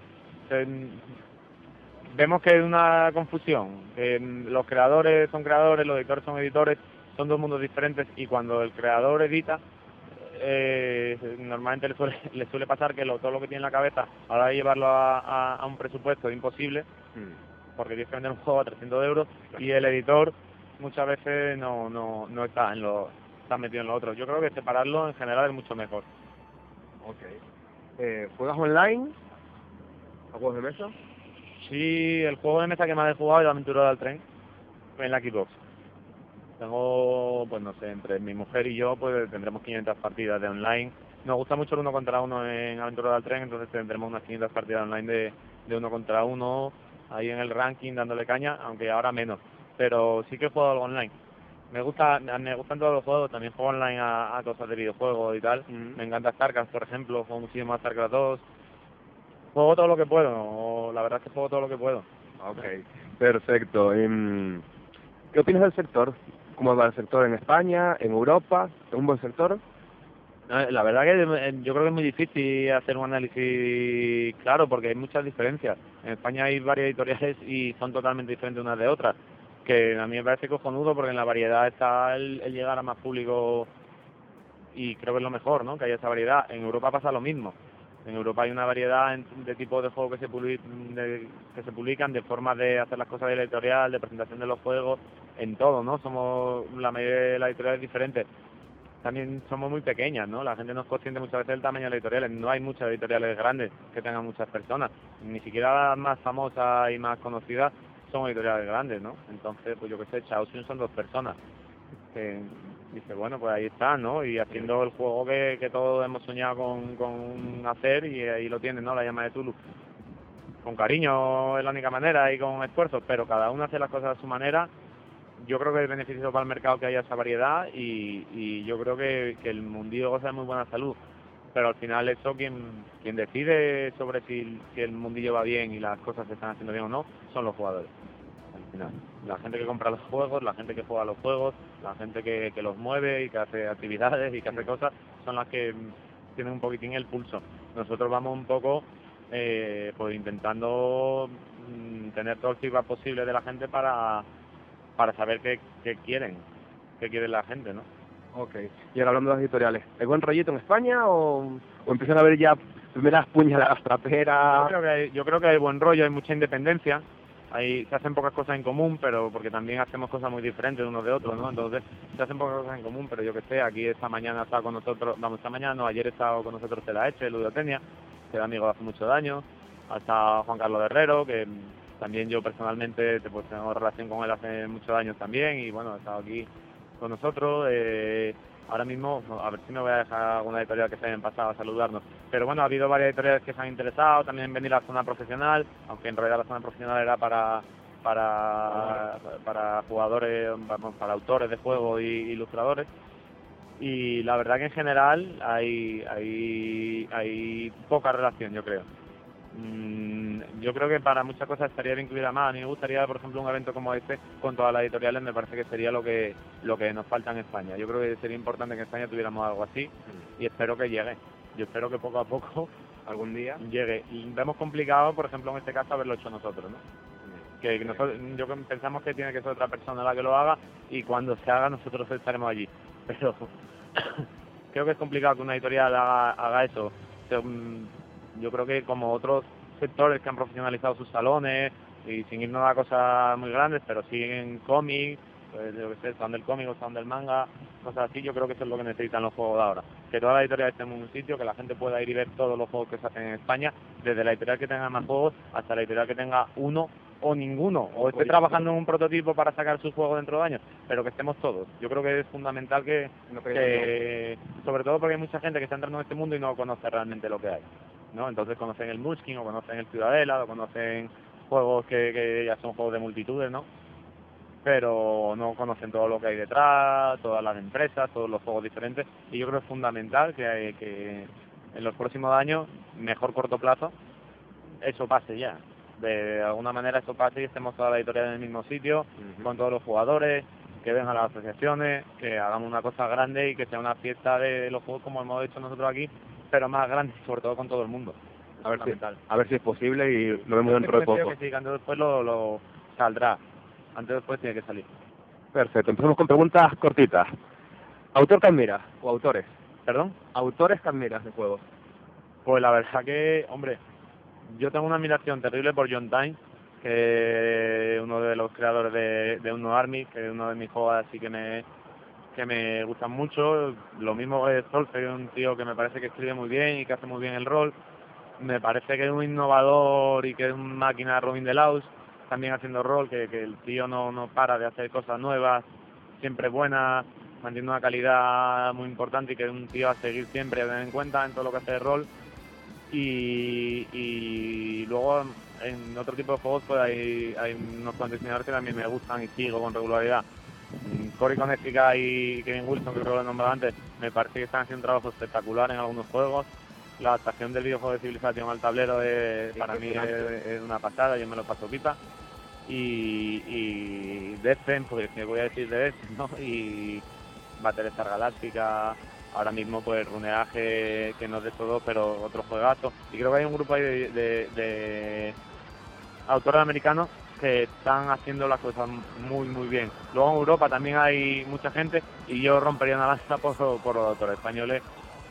Como hemos hecho siempre, muchas veces no se nota, muchas veces parece que pasa desapercibido, pero tenemos muchos juegos de autores españoles, vamos a seguir haciendo juegos de autores españoles, pues ahora mismo a ver si terminamos, sobre todo los que tenemos pendientes de hace un tiempo, perdón, y que llevamos retraso por, sobre todo por temas de diseño, por calendario, por, y se retrasan pero bueno, si al final saben cómo salió Toledo en 1985, que es un juego que me encanta con él, o Hamumatra, Redención, Guilty God, Anima Sombra de Omega, Anima Taxi, Anima Juego de Rol, ¿no? Carlos García, que Carlos García, yo lo comentaba el otro día en Córdoba, en, en las jornadas de Como Todos, Carlos García para nosotros es una estrella de los juegos en España.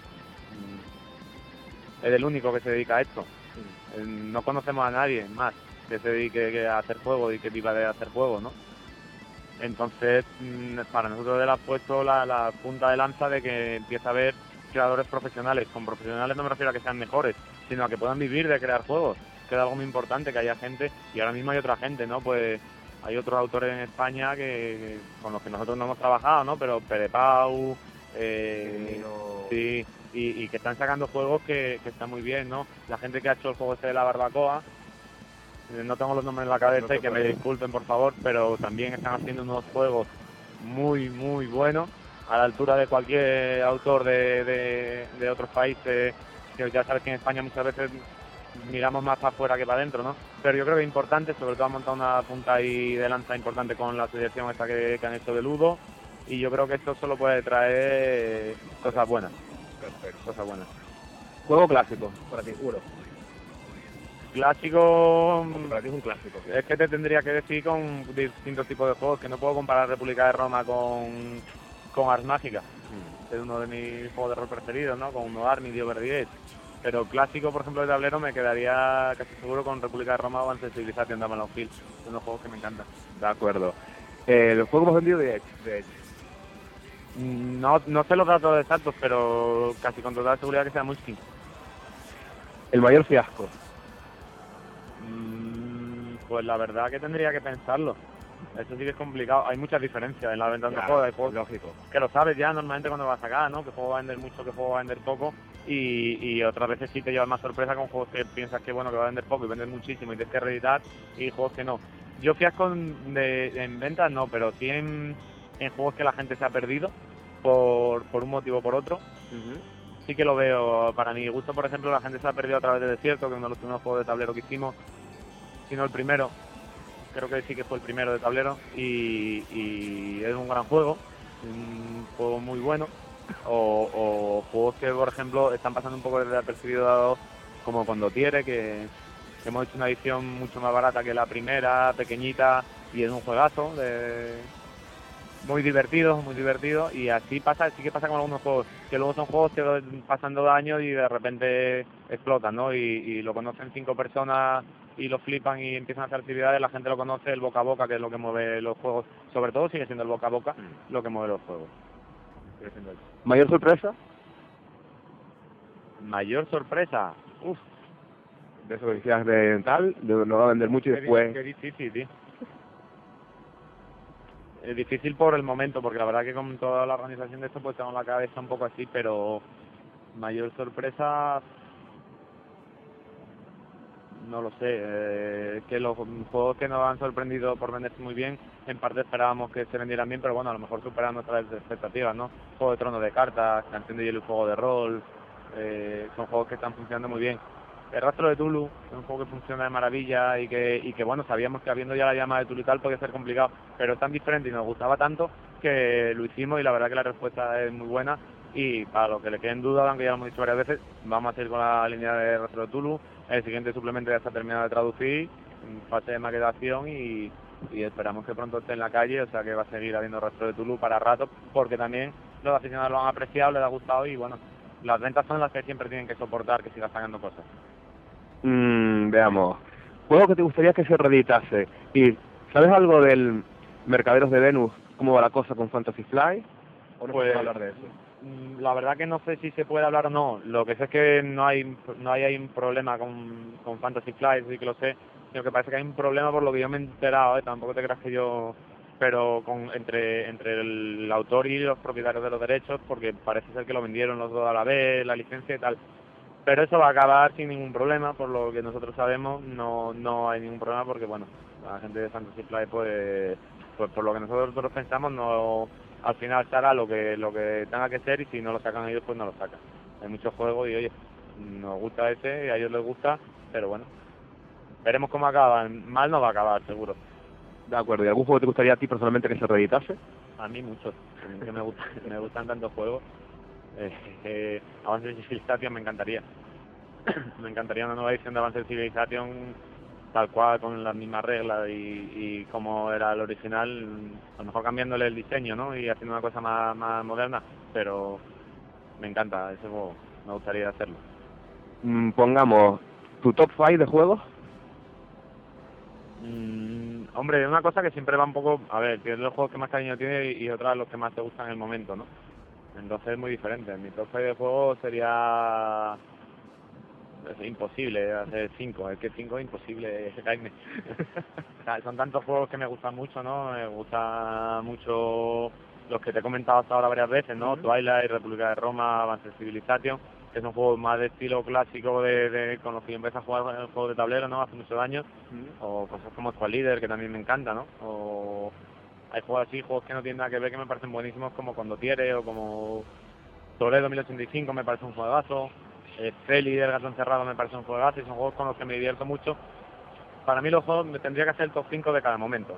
El viernes por la noche que estoy con mis amigos roleros, a mí lo que me gusta es echarme un No Army o un Over the Edge o una cosa así. El día que estoy con, probando juegos con la gente que juega más a tablero, mm, ahora mismo si me dicen un Civilization es que no me puedo resistir.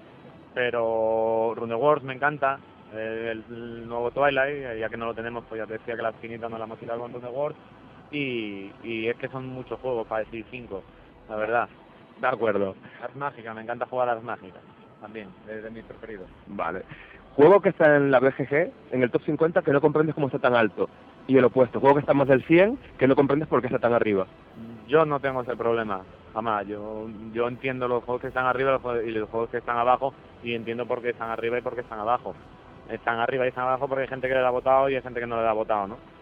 Entonces, los mismos juegos que, que, que yo he nombrado ahora varias veces como que me parecen fantásticos, hay gente que seguro que no los soporta, que le parece infumable jugar a eso, ¿no? Jugar a un... Hay gente que, yo que sé, con República, de Roma dice, tío, solo con ver la regla ya me echa para atrás. Y hay otros que República de Roma para nosotros es la salsa de, la vida, ¿no?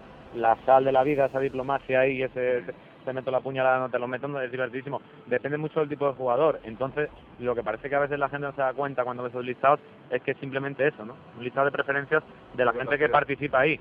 Hay otra gente que le parece todo lo contrario. Hay otra gente que, que, que hace otra web con otro estilo y, y que trate más otro tema, pues la gente que vaya a esa web va a votar otra cosa. Entonces, a mí, lo que son listas y votaciones, la verdad que no le doy especial importancia, ¿no? Hay juegos que han salido los mejores votados y lo, y luego ha sido un fiasco total el juego porque, como se dice mucho ahora, porque estaba roto, ¿no? Y, hay juegos que han pasado sin pena ni gloria y, un año y medio después están en, en boca de todo el mundo.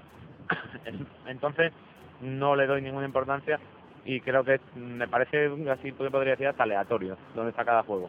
Eh, depende de quién haya votado y bueno, hay mucha gente que vota sin jugar a los juegos, hay mucha gente que, que juega una partida y le encanta, dice este juego es lo mejor y a lo mejor la tercera ya no le gusta, o juega una partida y dice este juego es malísimo y la tercera partida que juega le encanta. Entonces es imposible. Fiarse de una cosa así es imposible, vamos. Ya, la única pena es que mucha gente a lo mejor solo compra el juego dependiendo de la posición que la BG y eso es una, una auténtica pena, me parece a mí. Bueno, yo ahí confío siempre en el sentido común de la gente, ¿no? Que la gente sabe lo que le gusta. Otras cosas no, pero cada uno lo que te gusta sí que lo sabe.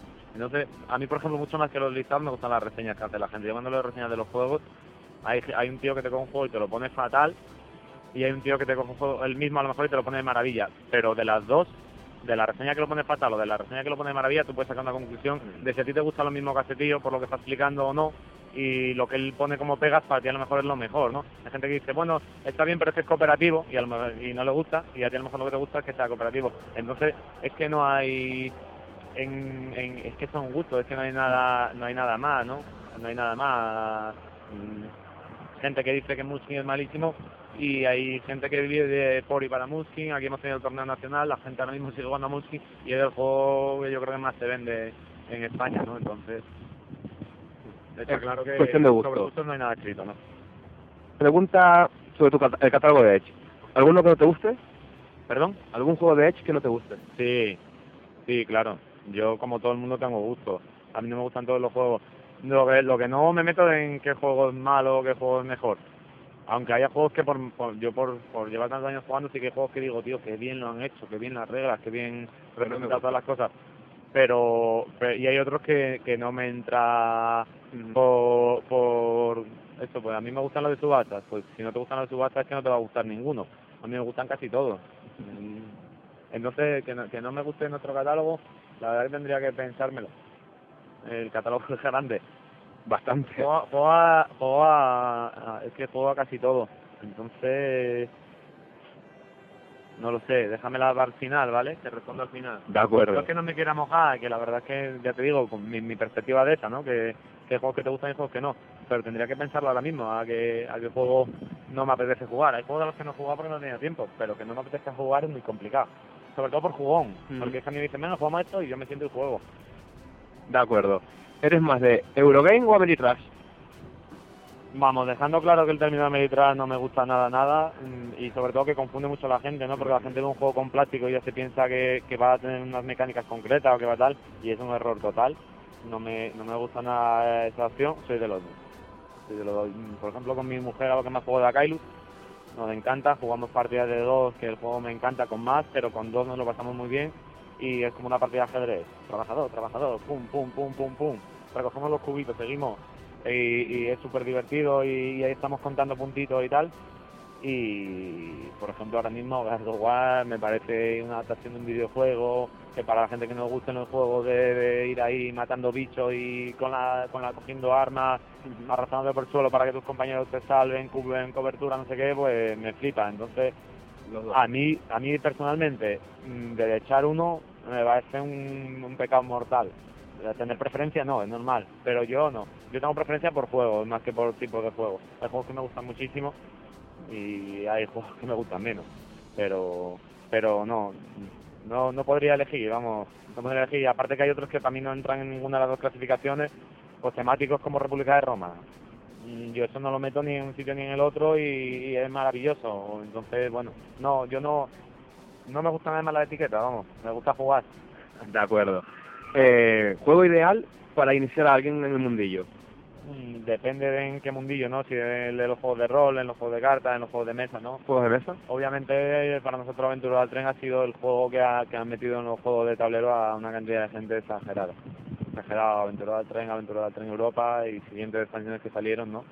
Y yo creo que es obvio que cuando salen tantas expansiones de un juego y demás, pues es porque, porque hay una cantidad de gente interesada en él enorme. Entonces yo creo que Aventurero es un juego perfecto para iniciar a cualquiera en los juegos. Perfecto. Para ti, ¿cuál hubiese sido el juego de año de España este año? El ideal para ti, no de los que, aunque, aunque no estuviese nominado. Sí. Y aparte, ¿estás de acuerdo con el veredicto? ¿Tablero o de...? Estoy de acuerdo con el veredicto de Córdoba. Aunque aunque suene un poco raro que, que teniendo en cuenta la, la... Parece que hay un montón de gente diciendo que no, que es un error. Yo estoy de acuerdo porque Córdoba tiene unas bases y se distinguen en sus premios a sus bases. Yo creo que es lo que tienen que hacer, si tienen unas bases para eso, ¿no? Si buscan una cosa, y sobre todo que los premios al final dependen de quiénes sean los jueces, ¿no? Con otros jueces serían otros pero probablemente el mismo estilo de juegos, porque hay unas bases que lo que buscan son esos juegos. Entonces el premio me- los premios me parecen bien. Aparte de estar encantados con que la gente Jugamos Todo haya dado el premio a Toledo, vamos a Jesús, Domínguez por el, por el juego, pues se me ha ido. El, el que se ganó el premio fue el La Isla Prohibida. No, me, pare- me, parecen, pe- me parece perfecto, ya te digo. Una- ¿qué, ¿Cuál es para mí el juego del año? Civilization. Yo además me mojo sin ninguna duda porque es que me parece una pasada. Pero entiendo que Civilization no puede ser el juego del, del año de las bases que hay en Córdoba. Entonces, si con esas bases me ponen de premio el Civilization, aparte de la alegría que me daría, me llevaría un susto terrible. Diría, a Jesús se le dio la cabeza este año. No, pero a Jesús, vamos, me refiero al premio que dieron de Jugamos Todos. Sí, Jesús, eh, la federación, aunque también está en el otro, ¿no? Pero yo creo que han elegido lo que lo que lo que ha- lo que la gente ha votado lo que lo- el jurado ha decidido y es que el jurado es soberano al final ellos deciden en base a lo que han visto han probado no y yo creo que está bien Y, sobre todo está bien que exista eh a mí me parece una iniciativa muy buena de acuerdo, y la última preguntita. ¿Qué, ¿Cómo es que esperas para estas navidades? Que vendan... Más o menos, ¿cu- cu- ¿cuáles pueden ser vuestros juegos más vendidos? yo esta navidad no me cabe ninguna duda que Runage y Blue Bolt Team Manager van a ser los juegos más vendidos no me cabe duda que luego no será así pero bueno yo lo veo muy claro ahora mismo porque son una pasada los dos. Blue Ball Team Manager es súper divertidísimo. El feeling de toda la gente que nos gusta Blue Ball de siempre y, y ahora tenerlo ahí un juego diferente en cartas, pero pero con el mismo feeling es una pasada. Blue Age es un juego de construcción de datos que ya me contarás qué te ha parecido. Espectacular. Sí. Y, y aparte de eso, Gears of War. Gears of War, bueno, y ya metiendo los juegos que no sean de mesa, la llamada de Tulu es para nosotros el, juego que hemos hecho con más cariño y con más y con más mimo y aunque a lo mejor no sea un éxito de venta según sale, que seguro que lo es, es un juego que pensamos que en España tiene que estar siempre. Ahora mismo ya no había llamada de Tulu, la edición anterior y pensamos que un juego que tiene que estar ahí y que siempre hay una edición de llamada de Tulu. Juego que tiene que estar ahí por, por lo que representa un poco, ¿no? Como Dungeon and Dragon, ¿no? Que también Dungeon Dragon representa para, para los juegos de rol mm, Una comunidad enorme. una comunidad y sobre todo un inicio para mucha gente, ¿no? Pues para otra gente pasa lo mismo con la llama de Tulu. Son esos juegos que Que tienen que estar. sí, y que, y que sobre todo los jugadores les tenemos un cariño y, y- y siempre nos vamos a animar a hacer una partida con gente nueva de la llama de Tulu para enseñárselo, aunque hayan pasado los 30 años que han pasado, ¿no? Sigue tan vigente como el primer día, la gente lo está pidiendo a gritos y, y han pasado 30 años, está claro que es, un- es por algo. Eso no, cuando un juego pa- pasa así por el tiempo, mm, es por algo. Entonces, De acuerdo, pues Nacho, solo faltaría responder la que te dejaste para después. ¿Cuál era? El juego que, me, que, que- un juego que no me guste, ¿no? A ver, eh... Oh, qué difícil, tío. No tiene un catálogo de Extended Time por ahí para que para que el tipo de marketing se aprenda a todos los juegos. eh... ¿A qué no juego yo? De así, porque le haya dado unas cuantas veces. También es que yo le doy muchas oportunidades, vamos, muchas. Le doy 5 o 6 oportunidades a los juegos. Cuando un juego no me gusta la primera, lo vuelvo a probar porque muchas veces te lía, no lo juegas bien, tal. O no lo juegas en el mejor momento. Pero, ¿cuál es el que menos te gusta a ti? El que menos que sí. me gusta a mí del Vamos a cambiar de papel. Ahí me has pillado, ¿eh? es que es difícil porque hay tantos juegos en el catálogo que te tienes que poner a pensar y que no me gusta. Yo la verdad soy muy facilón, te tengo que decir. A mí es Mira. raro que un juego no me guste. Mira, yo no, yo no, Tiene que ser muy, pero muy, muy, muy, muy chungo, que no me guste mucho la mecánica o algo, pero me cuesta mucho que no me guste un juego. No Sí. le doy tantas oportunidades. pues mira, yo de los juegos así que, que, que menos juego, jugué en su momento, pero que lo dejé con el tiempo y que la verdad que menos juego, es Muskin. pero es más de lo que decía antes, es de lo mejor de lo que menos nos gusta a mí de nuestro catálogo, ¿no? Aunque es súper divertido y así no lo pasamos pipa, porque no te imaginas como en la oficina cuando estamos haciendo las traducciones muchas se hacen en la oficina, ¿no? Las hacen Darío y José Luis normalmente, y aquí es divertidísimo. Porque, tío, aquí pone esto, un juego de palabras que en España no se entiende qué ponemos, y es súper divertido traducir eso, ¿no? Pero a mí es un juego que no, no me hace especial... no- el juego cuando toca, ¿no? Cuando alguien dice, venga, vamos a jugar mucho, pues sí, pero no es lo que yo sacaría. Yo si sacara yo sacaría otro. Pero ya te digo, es lo que pasa con los gustos. Hay, hay varias decenas de miles de personas diciendo, este tío que está diciendo, si, si yo me compro las siete expansiones porque es lo que decía antes, ¿no? Si el Muskin tiene siete expansiones del básico y otros juegos paralelos como Muskin Tulo, Star Muskin, etcétera, etcétera, ¿no? Y los que vienen, que hoy hemos, hemos traído algunas muestras ahí de, de la- de las futuras expansiones de Muskin Quest y demás. Pues no es que yo me equivoque, es que son mis gustos, ¿no? Tampoco es que esas, esas decenas de miles de personas se equivoquen de juego, es que les gusta esto, es súper diver- es súper divertido, yo lo reconozco, yo la primera vez que jugué a Muskin me lo pasé pipa, pero yo soy más de otro tipo de juegos. A mí todavía me gustan las partidas de 6 horas y de 5 horas y eso. Estar toda la noche y acostarme a las 6 de la mañana diciendo que guay, me lo he pasado y mañana será otro día. Eso es verdad. Pues muchas gracias, Nacho. Muchas gracias a ti por venir. Un placer. Pues nada, nos despedimos.